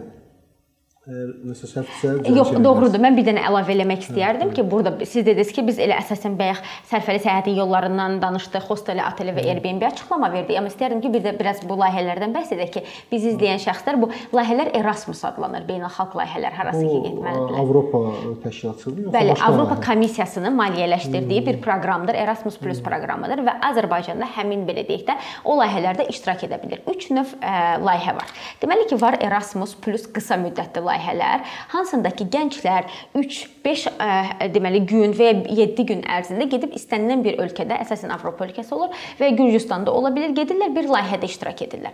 Məsəl üçün, layihənin deyək ki, mövzusu genderdir və ya mövzusu ətraf mühitdir. Deməli ki, bu layihəni təşkil edirlər. Deyək ki, Bakuriyanidə, Gürcüstanın Bakuriyani şəhərində və o layihədə bir tək Azərbaycan iştirak eləmir. Gürcüstan olur, Azərbaycan olur və fərqli həmin layihəyə partnyor ölkələr hansılar varsa, həmin ölkələrdən də iştirakçılar gəlir. Yəni əgər bir Azərbaycanlı həmin bu Erasmus Plus qısa müddətli layihəyə gedirsə, o bir tək gedib yəni özünkülərlə orada olmur da. Gedir həm gürcüləri görür. Əgər layihəyə partnyor olan ölkələr Türkiyədirsə, İtaliyadırsa, Litvadırsa, həmin Türkiyə, İtaliyadan, Litvadan da olan gənclər gəlir Bakuriyaniyə və onlar hamısı bir yerdə Bakuriyaniyada görüşürlər Bakuriyaniya və həmin misal üçündür də. Misal üçündür. Bəli, bəli, misal üçündür. Bu Milanda ola bilər, bu Varşavada ola bilər, hər yer ola bilər. Mən elə başa düşdüm ki, mən elə şeydə başa düşdüm, bu ancaq uzun müddətli olur. Yox, indi ona da gələcəm. Aha, yox, ona da gələcəm. Deməli, baxın, Erasmus Plus layihələri 3 yerə bölünür. 1. Erasmus Plus qısa müddətli layihələr. Və bu Erasmus Plus qısa müddətli layihələr üçün sizin nə ali təhsiliniz olmalıdır, şərt deyil. Əsas şərt ingilis dili biliyi olmalıdır və minimum pre-intermediate səviyyəsində olmalıdır. Yəni siz ola bilər ki, yalnız bağçaya getmisiniz, həyat belə gətirib amma indi ingilis dilində danışırsınızsa, sizə heç kəs o tələbi qoymayacaq ki, nətər sənin məktəb təhsilin yoxdur da, problem yoxdur. Yəni ona görə kim kollecdə oxuyur, texnikumda oxuyur, fərq eləmir. Bilsinlər ki, bu layihələrə gedə bilərlər. Və bu layihələrin üstünlüyü nədən ibarətdir? Sizin yol xərciniz qarşılanır. Yəni burdan Bakuriyaniya kimi bu misalda digər Avropa ölkələri də ola bilər. Bütün yol xərciniz qarşılanır. Orda qaldığınız müddətdə deyək ki, 7 günlük layihədə yemək, içmək gündə 3 dəfə yeməyiniz qarşılanır və sizdən yeganə tələb edilən və gözlənilən odur ki, ingilis dili səviyyəniz olsun və eyni zamanda marağınız olsun. Yəni siz ora gəzməyə getmirsiniz, siz ora Azərbaycanı təmsil etməyə gedirsiniz, siz ora öyrənməyə gedirsiniz. Mövzu ətraf mühitdə məsəl üçün o nə mövzudadırsa o təlim, onu öyrənməyə gedirsiniz və üçüncü özünüzdən nəsə qatmağa gedirsiniz, belə deyək də. Bu yəni belə deyim, iş həm də nəsə iş görür də. İş odur ki, bəli, səhər 9-da durursunuz, səhər yeməyini yediz, sonra təlimlər başlayır. Siz də o təlimlərdə iştirak edirsiniz. Digər gənclər ilə hər hansı bir qrup işləri həyata keçirirsiniz və 7 gün ərzində yeni biliklər qazanırsınız. İngilis dilinizi inkişaf eləyir, yeni biliklər qazanırsınız. Yəni təsəvvür edin, səhər saat 9-da durdunuz, bir təlim proqramına qoşuldunuz, sizə hə, təlim verdilər gün orta. Bəli, bəli, bütün siz deməli ki, orada 7 gün ərzində dolu olursunuz və proqram çox maraqlı olur. Bir Bəli. bir dənə sual verim Bərə xanım. Bir Azərbaycanlı kimi soruşacağam. Bunların marağı nədir? Aha, onların marağı nədir? Deməli ki, baxın, Avropa Komissiyası bir büdcə ayırır, maliyyə ayırır öz təşkilatlarına. Avropa Komissiyası necə niyə? Baxın, Avropa Komissiyasının məqsədi nədir? Ki, inkişafa dəstək göstərsin də. Əlbəttə ki, onun öhdəlikləri çoxdur, amma eyni zamanda öhdəliklərindən də biri Avropa dəyərlərini aşılamaqdır da. Prinsipcə bu Avropa demokratiya da Avropa dəyəri, gender bərabərliyi də Avropa dəyəri və bu dəyərləri necə aşılamaq olar? Digər 3-cü dərəcəli ölkələrə də belə deyək, inkişafda olan ölkələrə necə aşılamaq olar? Həmin ölkələrin gənclərini gətirirsiniz, toparlayırsınız bir araya. O mədəniyyətlər mübadiləsi baş verir. Bu dəyərlərlə bağlı gender olsun, demokratiya olsun, ətraf mühit olsun, bu dəyərlərlə bağlı maarifləndirmə gedir və ondan sonra həmin gənclər hərəsi öz ölkəsinə gedir və onlar da hər hansı bir fəaliyyətlər görürlər. Yəni layihə təşkil edə bilərlər, təlim verə bilərlər və ən azından özlərinin beyni bir çıqqılı dəyişir sözün əsl mənasında və onlar artıq gender bərabər bərabərliyi nədir başa düşürlər. Evlərində zorakılıq baş verəndə atalarına çönüb deyə bilirlər ki, bu doğru deyil və s. və ya özləri bir ə, zorakılığa ə, yol vermirlər belə deyək də öz ə, ailələrində və ya ətrafda və s. Yəni Avropa Komissiyasının məqsədi bu dəyərləri aşılamaqdır. Və yenə də deyirəm, məsəl üçün onda siz sual verə bilərsiniz ki, beynəlxalq təşkilatlar var, GIZ kimi, USAID kimi. Beynəlxalq təşkilatlar niyə Azərbaycanda məcburi köçkünlərə kömək eləyirlər və beynəlxalq təşkilatlar niyə müxtəlif layihələr həyata keçirirlər? Niyə məsəl üçün mən işləyirəm bir beynəlxalq təşkilatda və Almaniya dövləti pul ayırır ki, Azərbaycanda məcburi köçkünlərə xərclənsin o pullar. İnsanlara avadanlıq veririk, təlimlər keçiririk və ideya bu inkişaf layihələridir də belə deyək. Məqsəd odur ki, inkişaf etmiş ölkələr inkişafdan qalan ölkələrə dəstək olmalıdırlar ki, dünyada balans yaransın.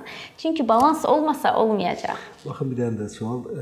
Əgər yəni bunu biz deyək ki, onlar bizləri inkişaf etdirməyə Bəli. çalışır ki, Bəli. biz inkişaf eləyək ki, onların səviyyəsinə çataq ki, yəni ora getməyək. Ora getmək, ümumi dünyada Yəni balans yaransın. Bu da ola bilər, bu da ola bilər, amma əsas məsələ odur ki, bu balans yaranmalıdır. Yəni siz düşünün ki, tutalım ki, Belçika və ya Şengen ərazisində oturub kef eləyir orada. Həyat şəraitləri bomba əla. Azərbaycanda da dönüb də Afrika olubdu. Burada da aclıqdır, burada da çətinlikdir. Yəni bu bir Yəni növ həmin ölkələrin istəyir. öhdəliyidir eyni zamanda dünya qarşısında, digər vətən vətəndaşlar qarşısında bir növ öhdəlikdir ki, bu dünya balans, e, bu dünyada bərabərlik olsun, balans olsun, hamı eyni şəraitdə yaşasın. Onların bir öhdəliyidir. Və burada çox məqamlar var, amma əsas məsələ ondan ibarətdir ki, yenə də deyirəm, Avropa Komissiyasının əlbəttə ki, marağı da ondan ibarətdir ki, Avropa dəyərləri aşılansın, yəni böyük bir fərq olmasın da mədəniyyətlər arasında və s. Yəni bu nə dərəcədə Avropa Komissiyası üçün xoş ola bilər ki, Azərbaycanda bu qədər yüksək demə erkən nikahlar var, zorakılıqdan öldürülən xanımlar var və ya da ki, qız övladıdır deyə qətlə yetirilən. Bunlar onlar üçün də belə deyək də, onlar bir dünya kimi baxırlar bizə. Ay Azərbaycanda özləri bilərlər nə istəyirlər, Yəni eləsinlər kimi tipli- yanaşmır da. məsələlərə toxunurlar, belə deyək. Tək o deyil. Mə mə məsələ o hər mövzu ola bilər, ətraf mühit ola bilər, nə bilim gender ola bilər, LGBT ola bilər, fərqli mövzulardır. Özün seçsən onu getdiyin. Siz getdiyiniz layihəni əlbəttə ki, siz baxırsınız ki, layihənin mövzusu tutalım ki, genderdə sizə maraqlıdırsa gedirsiniz və ya bu məsəl üçün Bakuriyanda, ə, Milanda başqa bir mövzuda layihədir və siz o layihəyə gedirsiniz.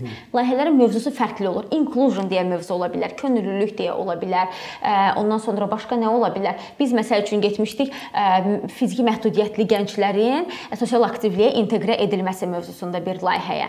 Yəni orada da izah edilir ki, necə biz hal-hazırda evdə olan və fiziki məhdudiyyəti olan gənclər ki, Azərbaycanda etiraf etmək lazımdır ki, o qədər də çox cəmiyyətə inteqrə etməyiblər. Biz onları necə cəmiyyətə inteqrə edək? Necə onlar özlərinə rahatlıqla iş tapsınlar? Necə onlar da baxmayaraq ki, təkərləkli arabadadılar, məsəl üçün rahatlıqla gəlsinlər bir tədbirə, digər gənclər kimi iştirak eləsinlər. Yəni o inklüzivliyi Yəni necə artıraq? cəmiyyətdən çıxın, şey aralı qalmasın. Yəni hər şeyi, bütün bu layihələrin məqsədi cəmiyyəti müsbət yöndə dəyişməkdən Baxın, bir ibarətdir. dənə e, bir e, növbəti bir sual. Bu həmin təşkilatların Azərbaycanda nəsə bir e, layihə şeyi olubmu? Yəni hər hansı bir insanları yığıblarmı? Tədbiri deyək. Bəli, bəli. Və e, bir illik e, layihədə biz e, bizə nə verir? Okay. Deməli, birinci sualınıza cavab verim ki, ə, bəli, elə bu yaxınlarda Sumqayıtda bir layihə olacaq. Ora xarici ölkələrdən olan Azərbaycan ə, xarici ölkələrdən olan şəxslər gələcəkdir. Layihə sırf Sumqayıtda həyata keçiriləcəkdir. Layihənin mövzusu sülh quruculuğudur ə, və Azərbaycanda da keçirilməli elə belə deyil, çünki biz müharibədən çıxmışıq və indi sülh yönümündə çalışmalıyıq və sülhü yaratmalıyıq. O elə gözəl qonşularımız elə çünki biz Qafqazda ölkəsiyik və biz qonşuyuqsa bir yerdə yaşamağa məcburuq.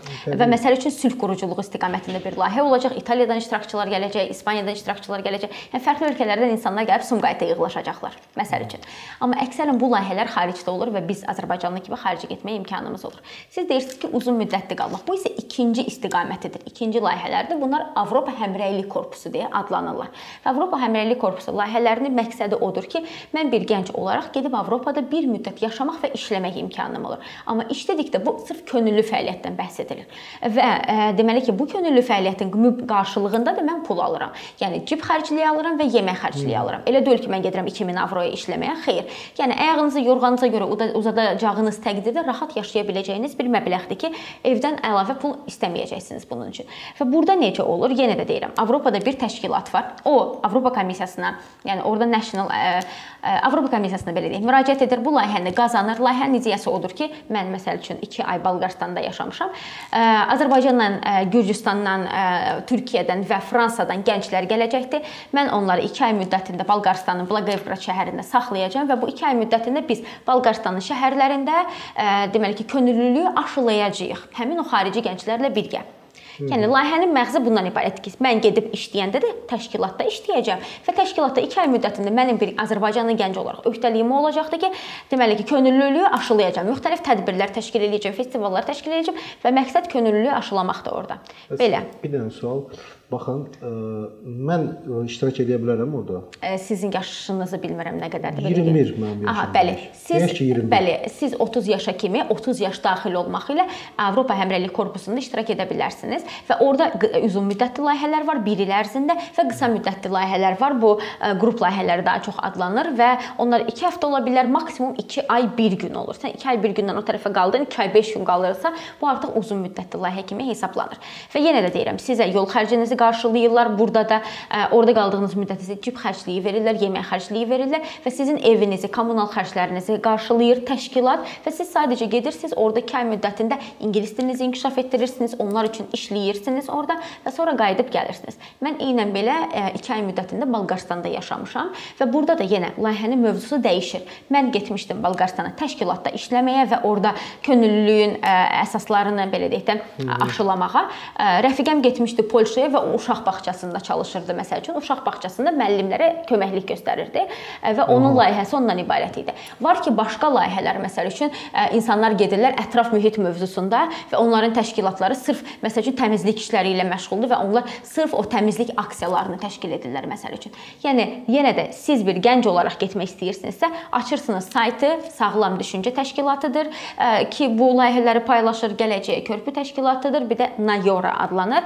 National Assembly of Youth Organizations belə adlanan təşkilat Azərbaycanda fəaliyyət göstərən üçü də açırsınız onların səhifələrini Baxırsınız ki, hansı sizə uyğundur və seçib müraciət edirsiniz. Əlbəttə ki, elə deyil ki, seçib müraciət edəndə burada seçim mərhələsi var. Bütün bax bayaq danışdığım bu qısa müddətli 1 həftəlik layihələr üçün də, 1 illik layihələr üçün də seçim mərhələsi var. Sizin ingilis diliniz olmalıdır. Seçim mərhələsində siz ərizə formasını doldurursunuz. Ərizə formasında göstərirsiniz ki, niyə maraqlısınız, getsəz nə kimi töhfə verəcəksiniz, həmin layihə niyə sizi seçməliyik və sair kimi ərizə formasını doldurursunuz. Əgər ərizə forması etapından keçsəz, ikinci mərhələ intervyu mərhələsi mərhələsi olur və intervyu mərhələsində sizdən soruşurlar ki, hələ doğrudanmı sən bu ərizə formasını özün yazmısan ya yox hmm. və sizə suallar verirlər ki, sizin marağınız nədir? Doğrudanmı gedib Azərbaycan orada layiqincə təmsil eləmək, yoxsa ki, əşi xala xatırın qalmasın, bir ildə gedim sən Allah evdən kənarda hardasa keçirdim məqsədi ilə gedirsiniz.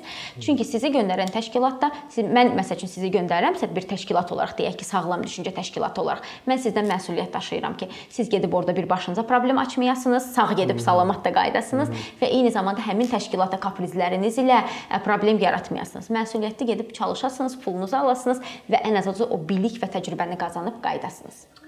Mən izləyicilərə müraciət etmək istəyirəm. Bayağında Jale xanım məndən soruşanda mən misal üçün dedim, 21 yaş, mənim 21 yaşım təbii ki. Amma 20-30 yaş arasında belə Bəli, bu layihələr 30 yaş arası. Qısa müddətli layihələr 30 plus da olur. Yəni onlara da gedə bilirlər. 1 həftəlik təlimlərə və 3 günlük Erasmus plus gənclik layihələrinə 30 yaş üstü də getmək mümkün olur. Amma bu Avropa Həmrəylik Korpusu sırf 30 yaş daxil olmaqla 30 yaşa kimidir. Və bir dənə də məsələ var. Üçüncü istiqamət var ki, mən istərdim gənclər də onu dəyərləndirsin. Bu universitet xətti ilə mübadilə proqramına getmək. Burada isə şərtdir ki, siz universitet tələbəsi olasınız. Çünki ə, siz məsəl üçün deyək Bakı dövlətdə oxuyursunuz. Bakı dövlətinin beynəlxalq şöbəsi var və beynəlxalq şöbənin Erasmus layihə ilə əməkdaşlığı var, Erasmus layihəsi ilə və müəyyən universitetlər ilə əməkdaşlığı var. Siz bir tələbə olaraq öhdəliyiniz nədir? Gedirsiniz universitetinizin beynəlxalq şöbəsinə müraciət edirsiniz ki, hansı proqramlar var, hansı universitetlər var, sizin ixtisasınız varmı və müəyyən bir vaxtlar olur, belə deyək də deadline vaxtları ki, ondan öncə siz müraciət etməlisiniz həmin proqramlara və siz bir semestr Bakı dövlətdə deyil də xarici bir ölkədə təhsil ala bilərsiniz. Eynən sizin bu təhsil haqqınız çərçivəsindədir. Yəni əlavə pul ödəmirsiniz, heç nə etmirsiniz. Məsəl üçün mənim bacım Gəncə Dövlət Universitetində təhsil alırdı və o getdi İtaliyada Pavia şəhərində 6 ay təhsil aldı, sonra qayıtdı Gəncə Dövlət Universitetinə. Yəni davam edirsən. Bəli, bəli, təhsilini davam edirsən. Bu mübadilə proqramıdır. Universitetlər arası mübadilə proqramıdır. Və ya da ki, qardaşım İqtisad Universitetində təhsil alırdı və getdi İngiltərədə 6 ay Leicester Universitetində təhsil aldı. Və ya da ki, mən məsəl üçün oxuyurdum İqtisad Universitetində və 1 semestr 6 ay müddətində getdim Bolqarıstanda təhsil aldım və qayıtdım Azərbaycana. Yəni bu mübadilə proqramını əldən verməsinlər. Mən özü Bakı dövlətdə 4 il oxumuşam. Çox peşmanam ki, bunu dəyərləndirməmişəm. Elə günü bu gün izləyirlərsə, sabah getsinlər beynəlxalq şöbəyə. Mən 4 oxumuşam. Ya var orada elə bir şey. Bəli, bəli, orada var. Çexiyaya göndərirdilər, İtaliyaya göndərirdilər. Yəni çoxlu layihələr var.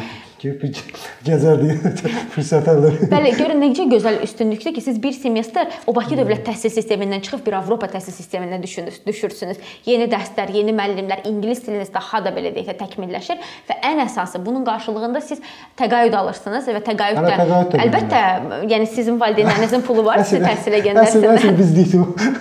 Bəli, əlbəttə mənim bütün bu danışdıqlarım, ə, yəni məsələ ordadır və mənim də ona görə belə də emosional qəbul edirəm məsələni ki, gənclər bu imkanları dəyərləndirməlidirlər. Mən gözəl başa düşürəm ki, valideynlərin imkanı olmaya bilər, tələbəçilikdə pul olmaya bilər, amma niyə də bu imkanları dəyərləndirməyəsiniz? Və bu imkanlar üçün belə baxdıqda yeganə tələb ingilis dilidir. Yəni ingilis dilləri üzərində çalışsalar, əslində bütün bu imkanlar açılır və əlbəttə ki, ingilis dilindən başqa da bir yaxşı danışıq qabiliyyəti olmalıdır. Yəni sizin Bakı dövlətdə qırmızı diplomla bitirməyiniz deyil, iş iş odur ki, siz o qırmızı diplomu aparıb da işə düzələn zaman o müdirin qabağında yaxşı təqdimat edə bilirsinizmi? O müdiri inandıra bilirsinizmi ki, sizi işə götürsün ya yox? Ha qırmızı olsun, ha yaşıl olsun o diplom. Yəni sizin ki soft bacarıqlarınız, yəni yumşaq bacarıqlarınız da e, inkişaf etməyibsə, belə deyək də, o zaman qırmızı diplomun bir faydası yoxdur.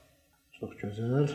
Bu fürsətdən mütləq bu üç imkanlardan yararlansın da başqa Daha ətraflı məlumat da istəyirlərsə Instagramda Jala Erasmus yazırlar və bütün postlar çıxacaqdı ki, oxusunlar, başa düşsünlər ki, bu layihələr necədir. Valla baxın da, yəni yararlana bilərsiniz, yəni biz düzdür.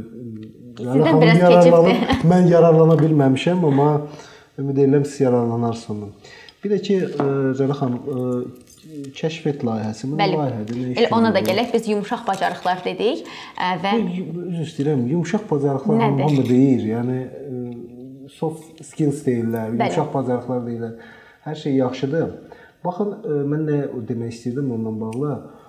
Əgər əgər insanda bu qabında yoxdursa, belə deyək. Bəli. Yəni onu inkişaf etdirmək olur ya yox. Deməli, gəlin başlayaq yumşaq bacarıqların açıqlamasını verməkdən ki, izləyicilərə də aydın olsun.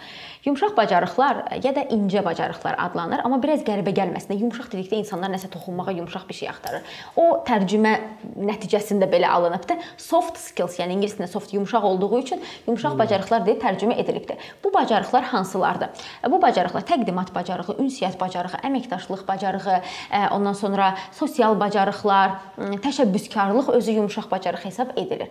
Və niyə hal-hazırda bu soft bacarıqlar əhəmiyyətlidir? Çünki işə düzəlmə prosesində 85% sizin yumşaq bacarıqlarınıza diqqət edirlər. Yəni əksər belə deyək də sahələrdə 15% sizin ə, deməli texniki bacarıqlarınıza. Texniki bacarıq nədir? Ona da açıqlama verək. Texniki bacarıq tutalım ki, siz jurnalistika təhsili almısınızsa, jurnalistika sahəsində yiyələndiyiniz biliklər texniki bacarıqlardır. Və ya da ki, mən bir ə, deməli ki, proqramçıyamsa, IT sahəsində çalışıramsa, bildiyim o Java proqramıdır, o C++ C++-ıdır. Yəni sırf işimlə əlaqəli kodlaşdırmadır. Bu mənim texniki bacarıqlarımdır.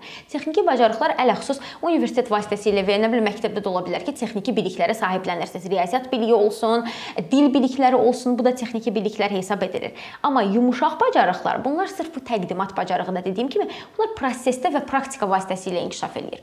Çox təəssüf ki, bizim təhsil sistemimiz, yəni özünüz Bakı dövləti bitirmisiniz də, Bakı dövlətdə sizə müəllim imkan yaratmır ki, ay təqdimat hazırla, ay komanda işi olsun, ay qrupu işi olsun ki, sizin yumşaq bacarıqlarınızı inkişaf eləsin. Və ona görə də gənc qırmızı diplomla bitirir universiteti, gözəl oxuyub, əzbərləyib, imtahanları gözəl veribdir. Amma gedib də iş intervyusu mərhələsinə gəldikdə, müsahibə mərhələsinə gəldikdə mən sizinlə rahat danışdığım kimi danışa bilmir. Yəni belə qalır, heç nə iki kəlmə sözünü deyə bilmir və nəticə etibarilə də insanlar nəyə baxır ki, bu adam iki kəlmə söz kəsə bilmir də, mən bununla necə çalışacağam? Və düşünür ki, ə, işə götürəndə hələ bu insanın bu bacarıqlarını inkişaf etdirmək lazımdır da.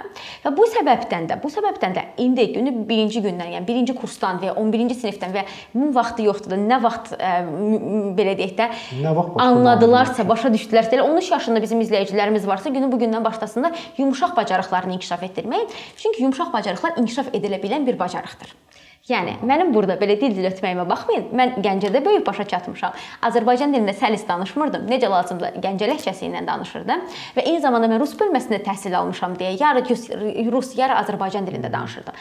Amma lakin mən başda eyni vəziyyətdə Amma lakin mən öz üzərimdə çalışaraq təqdimat bacarıqlarımı və ünsiyyət bacarıqlarımı belə deyək də inkişaf etdirə bildim. Yəni bu bacarıqlar istənilən yumşaq bacarıq 3-6 ay ərzində inkişaf etdirilə biləndir. Amma lakin bu praktika vasitəsilə baş verməlidir. Tutalım ki, deyək siz bir natiqsiniz. Mən sizin kursunuza gəlir, gəlirəm, yazılıram. 1 ay sizin kursunuza gəlirəm. Siz də mənə hər şeyi izah eləyirsiniz ki, natiqlik nədir, bədən dili nədir, danışanda necə danışmalısınız və s.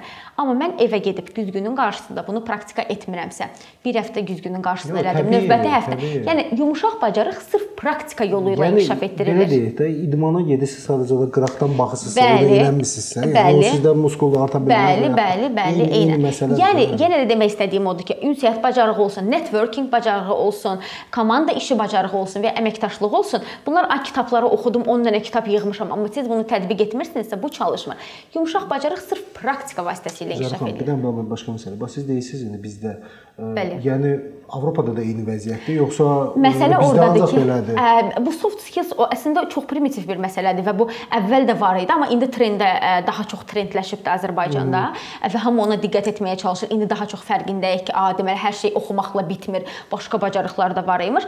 Avropada isə təhsil sistemi elədir ki, siz avtomatik elə o bacarıqlarınızı inkişaf etdirirsiniz. Məsəl üçün İngiltərə təhsilindən danışsaq, hmm. magistratura təhsilinə gedəndə indi mən magistraturanı müşahidə eləmişəm. Orada hər şey araşdırma üzərindədir və sizin öhdəliyiniz üzərinizdədir də. Yəni Bakı dövlətdəki kimi deyil, müəllim gəldi leksiyanı sizə yazdırdı, siz o leksiyadan kənara çıxmadınız, elə onu əzbərləyib müəllimə danışdınız. Yəni bu Azərbaycanda belə baş verir. Amma xaricdə bu belə deyil. Xaricdə insanlar araşdırır, ona görə də tənqidi təfəkkürləri inkişaf eləyir ki, bu da yumşaq bacarıqlardan biridir. Tənqidi təfəkkür, analiz bacarığı, sorğulamaq bacarığı. Yəni necə inkişaf eləyir? Tutalım ki, siz İngiltərədə təhsil alırsınız və deyək ki, ə, təhsil alırsınız Macaristanda, sizə müəllim mövzu verir və deyir get araşdır. Artıq sizin tənqidi təfəkkürünüz vardı ya, açırsınız, mənbələrə baxırsınız, görürsünüz ki, hansı ağla batan, hansı ağla batan deyil araşdırırsınız və eləyirsiniz. Elə gətirib təqdimat edəndə bu ki, bu araşdırma prosesində sizin tənqidi təfəkkürünüz inkişaf eləyir də.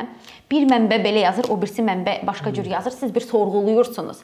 Amma hmm. Azərbaycanda təhsil sistemində də indi mən mən Bakı dövlət təcrübəsindən danışım. Bu arada mən yıxıb sürməsinlər, bəlkə adada başqa münasibətdir. Mən Bakı dövləti bitirmişəm 10 il bundan öncə. Orda necə idi? Müəllim verəni sorğulamırsan, elə gəlib danışırsan yenisini. Ona görə də tənqidi təfəkkür inkişaf eləmir. İndi məsələ ordadır. Mənim izah eləmək istədiyim bu kəşf et layihəsi çərçivəsində odur ki, birinci məqsəd ondan ibarətdir ki, bu sırf sosial layihədir, mənim şəxsi təşəbbüsümdür. Heç bir tərəfdən maliyyələşmir. Sadəcə mən müşahidə elədim ki, bir region gənci olaraq ələxüsusda ki, mən Gəncədənəm, gəlib Bakıda yaşayıram, amma mən Gəncəliləri unutmuram və eyni zamanda digər regiondan olan gəncləri unutmaq istəmirəm. Çünki işimlə əlaqəli Bərdəyə, Mingəçevirə, Ağdama gedirəm və görürəm ki, onların Bakıdakı kimi imkanlara çıxışları yoxdur və bu məni məyus edir və mən bir vətəndaş olaraq düşündüm ki, nə edə bilərəm ki, o gəncləri bu imkanlardan xəbərdar edim ən azından və gənclərin bir gözlərini açım ki, əzizlərim, Ağdamda oturmusunuz, amma məsələ bununla bitmir də. Yumşaq bacarıqlar kimi bir deyimlər var. Siz onları inkişaf etdirsəz Bakıya gələ bilərsiniz, iş tapa bilərsiniz və ya elə Ağdamın özündə daha yaxşı vəzifələrdə ola bilərsiniz. Yəni kəşf et layihəsinin indiki etapda məqsədi odur ki, yumşaq bacarıqlar barədə məlumatlandırılmanın artırılması, ələxüsusda regionlarda, ələxüsusda region gəncləri ilə. Zədə xanım, baxın, bir sıra layihələr, belə deyim də, pandemiya vaxtı oldu. Bəli. Bir, bir yerə uça bilmədik, yürüyə bilmədik, yəni çıxa bilmədik. Çox layihələr o vaxtda yarandı. Bəli. Yəni Kəşfiyyatda layihəsi o vaxt yarandı. Yəni siz səyahət edə bilmədiniz və qərara gəldiniz ki, belə bir işlə məşğul olun, yoxsa necə? Aha, necə oldu? Ə, ola bilər ki, pandemiyada bir ə, təkan verdi bu prosesi. Çünki pandemiya dövründə mən daha çox onlayn olaraq gənclərə çıxmağa başladım. Elə onda düşündüm ki, a, evdəyik, zamanım var. Mənim regionlara getməyə ehtiyacım yoxdur. Mən regionlara çıxa biləcəm və region gənclərini məlumatlandırmağa başladım bu imkanlarla, yəni e, xaricdə olan imkanlarla Erasmus Plus və hmm. Erasmus European Solidarity Corps, Avropa Həmrəylik korpusları barəsində layihələr barəsində paralel şəkildə mənim bir imkanım oldu ki, bir fə reallığın fərqinə varım. Gözləl, bu gənclər xəbərdardırlar region gəncləri ki, belə bir imkanlar var. Amma o gənclərin bacarıqları yetərli qədərdimi ki, Bakı gəncləri ilə rəqabətə girib həll o layihələrə seçilsinlər. Mən onda onun fərqinə vardım ki, region gəncləri məsələn təqdimat bacarıqları o qədər ə, e, gözəl inkişaf eləməyib, çünki onların bunu inkişaf etdirməyə şəraitləri yoxdur. Hə, gənclər evi var, e, indi kiçik mərkəzləri var və s. amma yenə də gənclər o sosial aktivliyə hansı münasibətdədirlər? Necədirlər? Ondan təkan alaraq belə deyək də başa düşdüm ki, a, bunu izah eləməmişdən öncə hələ birinci o gənclərə bu layihələrə seçilə bilmək üçün yetərincə kapasitelər olmalıdır, bacarıqlar olmalıdır və o bacarıqlar barədə məlumat vermək lazımdır. Ona görə əslində mən ikinci addımdaydım. Başa düşdüm ki, yox, hələ birincini atmaq lazımdır. Ona görə geri qayıtdım və indi kəşfiyyat layihəsi çərçivəsində ki, bu gün də məsəl üçün bir təlimimiz var Bakıda gənclər üçün və ə, e, deməli ki, 12 dənə bacarıq var, hansı ki 21-ci əsrin bacarığı da adlandırılır. Bu e, təqdimat bacarığı, ünsiyyət bacarığı, əməkdaşlıq, sosial bacarıqlar, informasiya savadlılığı, texnoloji savadlılıq, təşəbbüskarlıq kimi bacarıqlardır və biz onları izah eləyirik. Yəni mən bir təlimçi olaraq izah edirəm ki, bu bacarıqlar niyə əhəmiyyətlidir, nə kimi sizə müsbət təsir göstərəcəkdir həyatınızda və niyə bunları inkişaf etdirməlisiniz. Yəni indiki etapda bunu eləyirik. Sonrakı etapda isə keçid alacağıq ki, bu bacarıqları bəs necə inkişaf elətdirək. Çox ə, ə, tələb olubdu indiyənə kimi. Ə, bəli, ə, deməli ki, Bu günkülər də təxmini bir 75 nəfər gələcəkdir. Daha öncə də 500 nəfər əhatə eləmişik. Bərdə, Ağdam, Mingəçevir, e, Gəncə, e, Sabunçu, e, ondan sonra Suraxanı belə. Yəni bu ödənişli də Təmənnasız. Təmənnasız. Bəli. Gəlin ona da keçək. Deməli məsələ ordadır ki, bu bacarıqlardan da biri təşəbbüskarlıqdır. Və mənim isti aşılamaq istədiyim məsələlərdən də biri bəli, gözəl təqdimat bacarığınızı inkişaf elətdirin.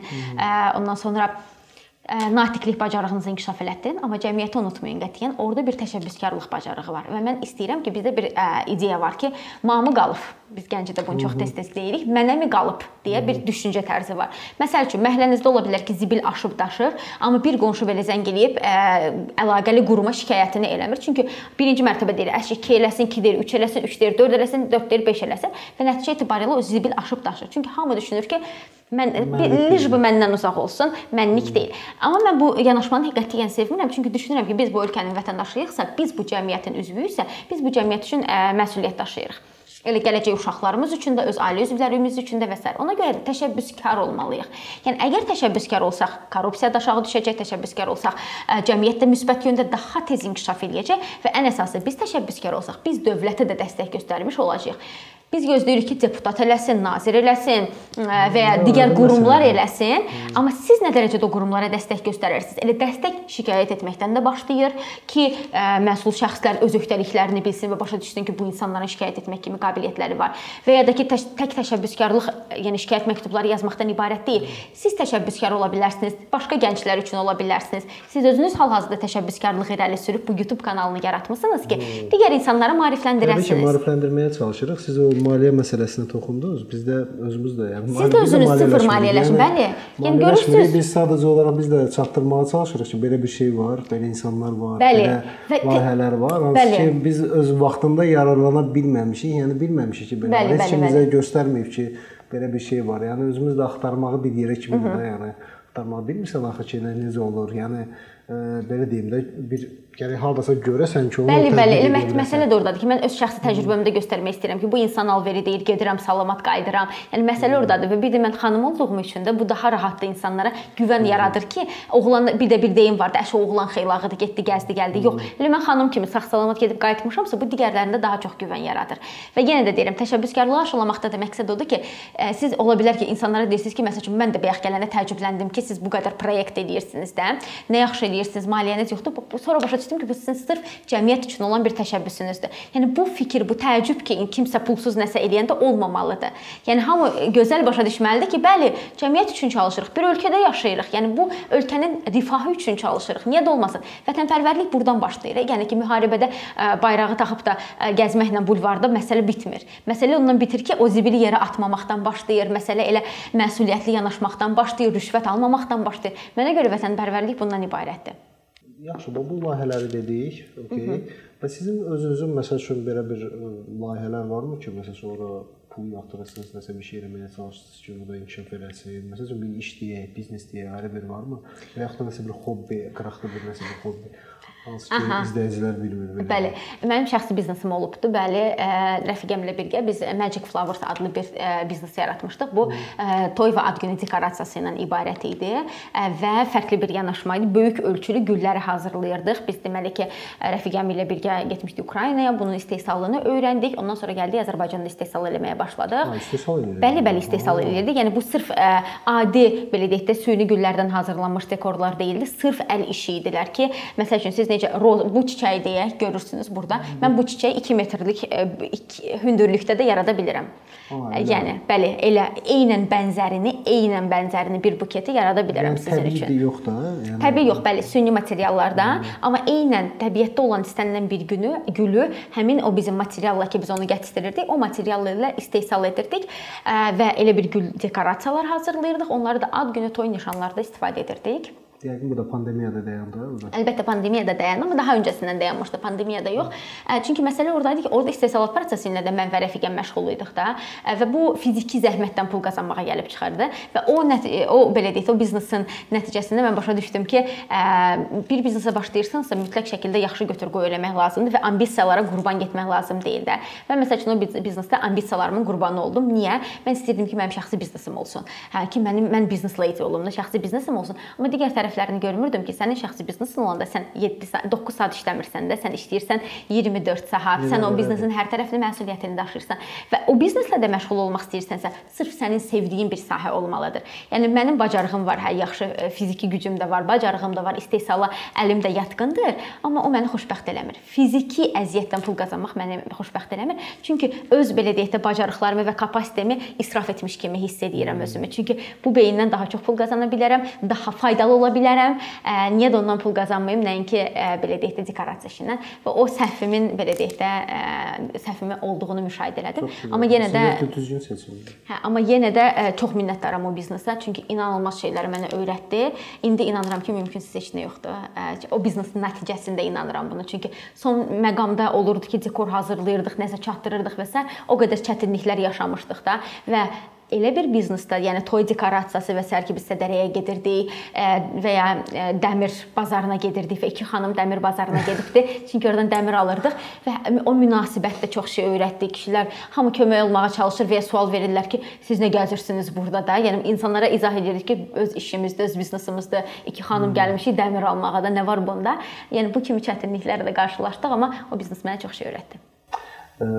Jalə belə bir şey deyək. Bəli. Sevdiyiniz kitab ja- ə, janrı və yaxud da kitab varmı ki, hansı məsləhət görə bilərsiniz? Ay, utanım burada ya utanmayım. Ə, Məsələ ondan ibarətdir ki, mənim oxumaqla bağlı çox ciddi problemlərim var. Sırf kitab oxumaqla bağlı çox ciddi problemlərim var. Çalışıram ki, qulaq asam, amma ümumiyyətlə belə deyə bilmərəm Yeni ki, kitab informasiyanı necə alırsınız? Yeni informasiyanı internet üzərindən alıram, amma bədii ədəbiyyat oxumuram məsəl üçün mən qətiyyən Heç oxşamayan oxumursunuz ə, oxumuşam məktəb vaxtlarında. Hə, bu utanıram bunu deməyə. Amma Yox, yox, niyəsə bu da- mənim oxumaqla bağlı böyük problem. Çünki mən kitab açan kimi ə, mənim ə, yuxum gəlir. Yuxu gəlir. Hə. Və mən çox tələskən insanam, çox nəticə yönümlü insanam da. Mən məsəl üçün kitabı açıram, bir oxudum, oxudum 2 səhifəsini, baxıram ki, "Ayılıq bu nə vaxt qutaracaq, ayılıq bu nə vaxt qutaracaq?" belə olur. Və o prosesə şey, zövq alamıram. Məsəl üçün ə, açım bir ədəbiyyatı, orada ə, nə bilim hansı əsəri deyim sizə. Orada ə, Alisa в стране чудес ən primitiv. Alisa Alisa в strategiyası mən o kitabın içinə yəni yaşayanmıram da ki, görüm Alisanın başına nə iş gəldi. Mən axırını açıb oxumaq istəyirəm. Görüm bu Alisanın başına nə iş gəldi. Hə, biraz o kimi Amma çox praktik. Bir məsələ də, məsəl üçün siz danışırsınız, amma yəni ə, kifayət qədər bilikli danışırsınız da, o da o informasiyanın hardansa mənbəyi olmalıdırmı? Bəli, videolar izləyirəm mütəmadi şəkildə, əlbəttə ki, YouTube üzərindən mütəmadi, yəni mənim yemək yemək prosesim belə video ilə müşahidə olunur ki, hər hansı bir informasiyanı ə, belə deyək də mənimsəyim, belə baş verir. Yenə də deyirəm, məsələ kitabda mənim hövsələsiz olmağımdadır və çox nəticə yönümlüyəm də ki, axırını bilim, axırın oldu, axırın oldu. Yəni. Məktəb vaxtında belə bizdə var idi kitablar, bir də var idi kratki sədrjaniyə deyirdilər də, qısa xülasəsi əsərlərin. Mən məsəl üçün həmişə qısa xülasəsini oxuyurdum ki, çünki o ədəbiyyatdan ki siz zövq alırsınız. İnsanlar o var ki, onu oxuyur, onu hmm. yaşayır və s. Mən yaşayamıram. Nəticəni görək. Bax həyata, karyeraya, karyeraya deyək, biznesə deyək, yəni ilk addımları atan insanlar da biz bunlara belə adlarını belə bizneskarlar qoymuşuq. Yəni təşəbbüslə irəliləyərək. Onlara nə məsləhət görərdiniz ki, bax məsəl üçün sizin o gənc yaşlarınızda o çətinliklər olubdu, və onlardan necə çıxmısınız? Nə məsləhət görərdiniz ki, bir pillə üçün onları yuxarı qaldıra bilsin indi? Aha, gənclərə, gənclərə bütün imkanları dəyərləndirməyi tövsiyə edərdim. Əlbəttə ki, ilk növbədə imkanlar da ingilis dili ilə əlaqəli olduğu üçün sırf istəyərdim ki, gənclər öz ingilis dili bacarıqları üzərində çalışsınlar mütləq şəkildə. İngilis dili bacarıqları üzərində çalışdıkları təqdirdə yeni imkanlara çıxışlar olacaq və bu yeni imkanlar bir tək beynəlxalq layihələri ilə limitlənmir. Eyni zamanda beynəlxalq qrantlar ilə də əlaqəlidir. Yəni məsəl üçün Amerika səfirliyi qrant elanı verir ki, ora ə, təklif ingilis dilində yazmaq lazımdır. Yəni onu yaza bilərlər belə deyək də ingilis dili bacarıqları olduğu təqdirdə bütün imkanlardan çalışsınlar ki, xəbərləri olsun. İmkanlar dediyim nədir? Gənclər Fondu qrant elanı verir, beynəlxalq təşkilatlar və səfirliklər qrant elanları verir. Yəni onları axtarsınlar əgər hər hansı bir ideyaları varsa və o ideyanı həyata keçirmək istəyirlərsə və ən əsası oturub gözləməsinlər ki, məsələn mənim ideyam var, belə partlayış ideyam var. O ideya üçün çalışmaq lazımdır. Ya sıfırdan özləri başlayıb nəsə edə bilirlərsə, müəyyən səviyyəyə çatdırsınlar və ya da ki, o ideya üçün bir maliyyələşdirəcək şəxs tapsınlar. İndi Gənclər və İdman Nazirliyi də ideyalara açıqdır. Oradan başlaya bilərlər. Gənclər fonduna müraciət edə bilərlər. Regional İnkişaf İctimai Birliyi deyə təşkilat var, onlara müraciət edə bilərlər. Yəni ki, əsas odur ki, bəhanə gətirməsinlər, çalışsınlar və inanıram ki, nəticələnəcəkdir və təşəbbüskar olsunlar. Hər şey bu təşəbbüskarlığın başındadır. Təşəbbüskar olanda sən uzanıb divanda demirsən ki, ayda pul olsaydı falan layihəni eləyərdim. Sən deyirsən ki, ayda nə gözəl ideya ağlıma gəldi, sögedim elə mən işimin dalınca. Instagramdan suallar rubrikasına başlayırıq. Deməli, Tovuz Hüseynov bizdən soruşur. Getdiyiniz ancaq qayıtmaq istəmədiyiniz şəhər, getdiyiniz tez qayıtmaq istədiyiniz ölkə. Aha, başa düşdüm. Deməli ki, ə, Tovuz xanım idi də. Aha, Tovuz xanım söyləyir ki, gedib də qayıtmaq istəmədiyim ölkə, bir də ki, gedib də tez qayıtmaq istədiyim bir ölkə hansı olubdu? Ə, tez qayıtmaq istədiyim ölkə prinsipçi olmayıb. Hindistanda belə acından belə deyək də, su ilə, çörəklə qidalananda belə mən qayıtmaq istəmirdim, çünki mən tamamilə başqa şeylərdən zövq alırdım orada prosesdən və gedib də peşman olduğum hələ bir ölkə olmayıbdı.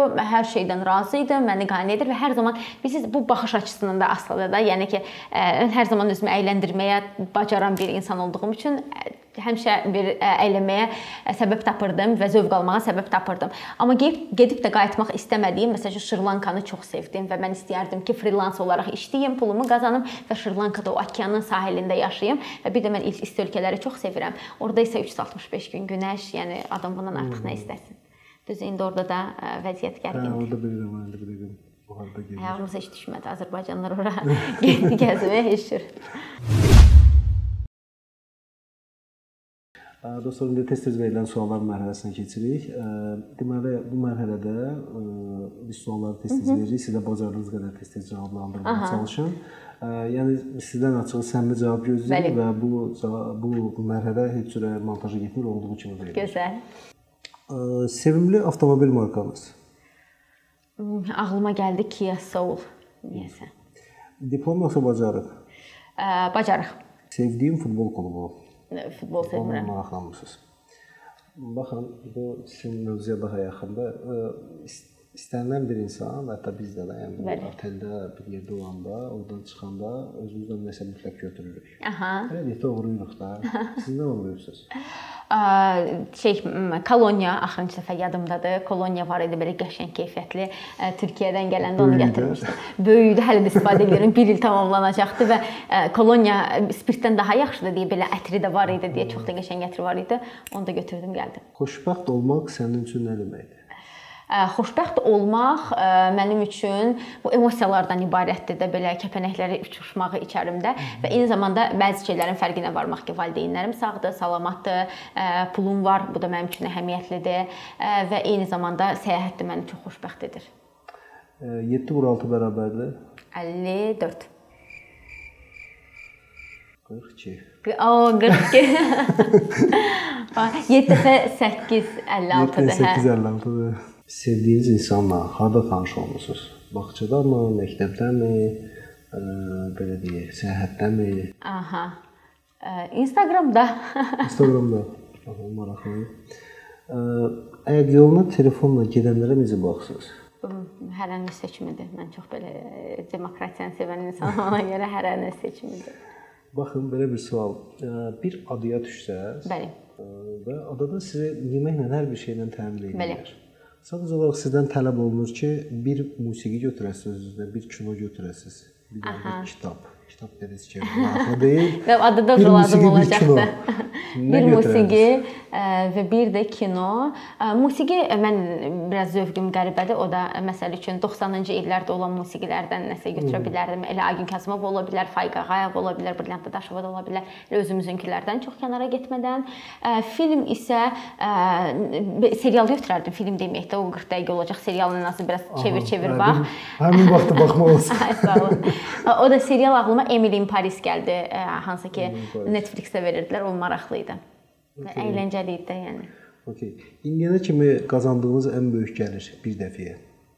Ə, 3000 manat bir dəfəyə. Bəs bir dəfəyə itirdiyiniz ən böyük məbləğ. Ə, bütün pandemiyada təyyarə biletlərimin hamısı ə, Amerikaya aldığım təyyarə biletlərim var idi, 500 dollar idi. Həyatınıza pozitiv təsir göstərən şəxsin adı və kimdir? Ə, ço- Bir neçə şəxs var, elə iş yoldaşlarım var, çox müsbət təsir göstərirlər mənim həyatıma. İş yoldaşlarım, valideynlərim özü də, anam ələxüsusda belə. Ə, Ukrayna yoxsa Rusiya? Ə, indiki vəziyyətdə Ukrayna. Uşaq vaxtı sizi nə ilə qorxudurdular? Nəyinə qorxudurdular? Elə bir qorxu, yəqin ki, şey, a şeydir, süpürgəçi olacaqsan, oxumasan, iş tapamayacaqsan və belə şeylərdən. Sevdiyin idman növü? Nəyi sevirəm mən? Pilatesi çox sevirəm, nə bilim bungee jumping, bütün belə extraordinary nə idman varsa onları. Bax, belə bir fürsət olsaydı da, nə vaxtsa da, indi nə vaxtsa indi demirəm amma. Bəli. Yaradıcı ilə görüşsən. Aha. Ondan nə soruşardın? Yaradıcı hansı hansı yara bildiyimiz yaradıcı? Tanrıdan Tanrıdan. A, soruşardım ki, həyatın məqsədi var ümumiyyətlə? Biz belə yaşayırıq. Yəni Bizim missiyamız nədir? Hə, hə, yəni var- varmı ümumiyyətlə yoxsa bunu biz öz həyatımızı maraqlı etmək üçün missiya tapırıq özümüzə? Yəni onu soruşardım. Bu varlığın ümumiyyətlə e, bir məqsədi, bir məramı varmı? Mavritaniyanın paytaxtı. O heç bilmirəm. Bu bir dəqiqə Nouakchott şəhəridir. Heç bilsəm də. Hə, Gizli istedadınız varmı və varsa nədir? Gizli istedadım yaxşı fit çala bilirəm elə. Hə? Çala bilərsiniz? Aha, dırnaqlarımı imkan versən. Daha yaxşı çalıram amma Məndə heç vaxt alınmır. bu mənim uşaqlıq arzum idi ki, mən bunu çalmağı öyrənim və dayılarımın biri öyrətdi mənə.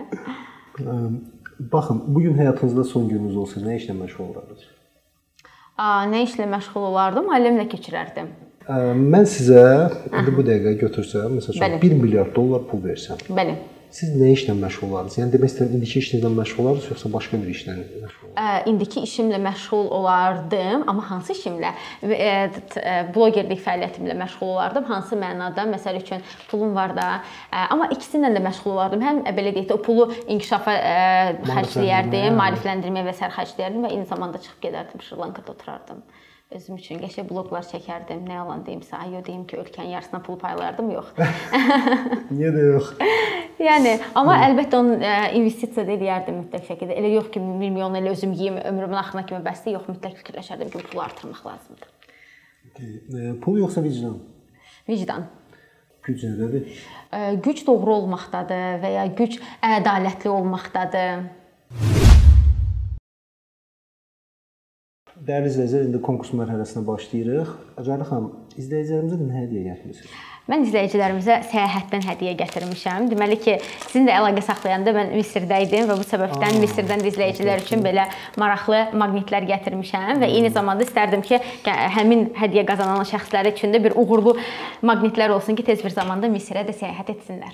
İnşallah. İndi bunu əldə etmək üçün bunu 3 izləyiciyə Bəli, 3 izləyiciyə verə bilərik bəli ki. E, nə etməlidirlər bunu? E, gəlin sadə eləyək də məsələni. Əgər bu videonu izləmisinizsə, e, o zaman o sualın cavabını da eşitmisiniz. Neçə sayda ölkədə olmuşam? Bu sualın cavabını şərh olaraq videonun şərh bölməsində qeyd edin və qeyd edən ilk 3 şəxsə bu maqnitlər hədiyyə ediləcək. Dəyərli izləyicilər, siz sualı eşitdiniz. İndi kommentlərdə bu cavab vermək lazımdır. Deməli, Bizneskar kanalına abunə olun.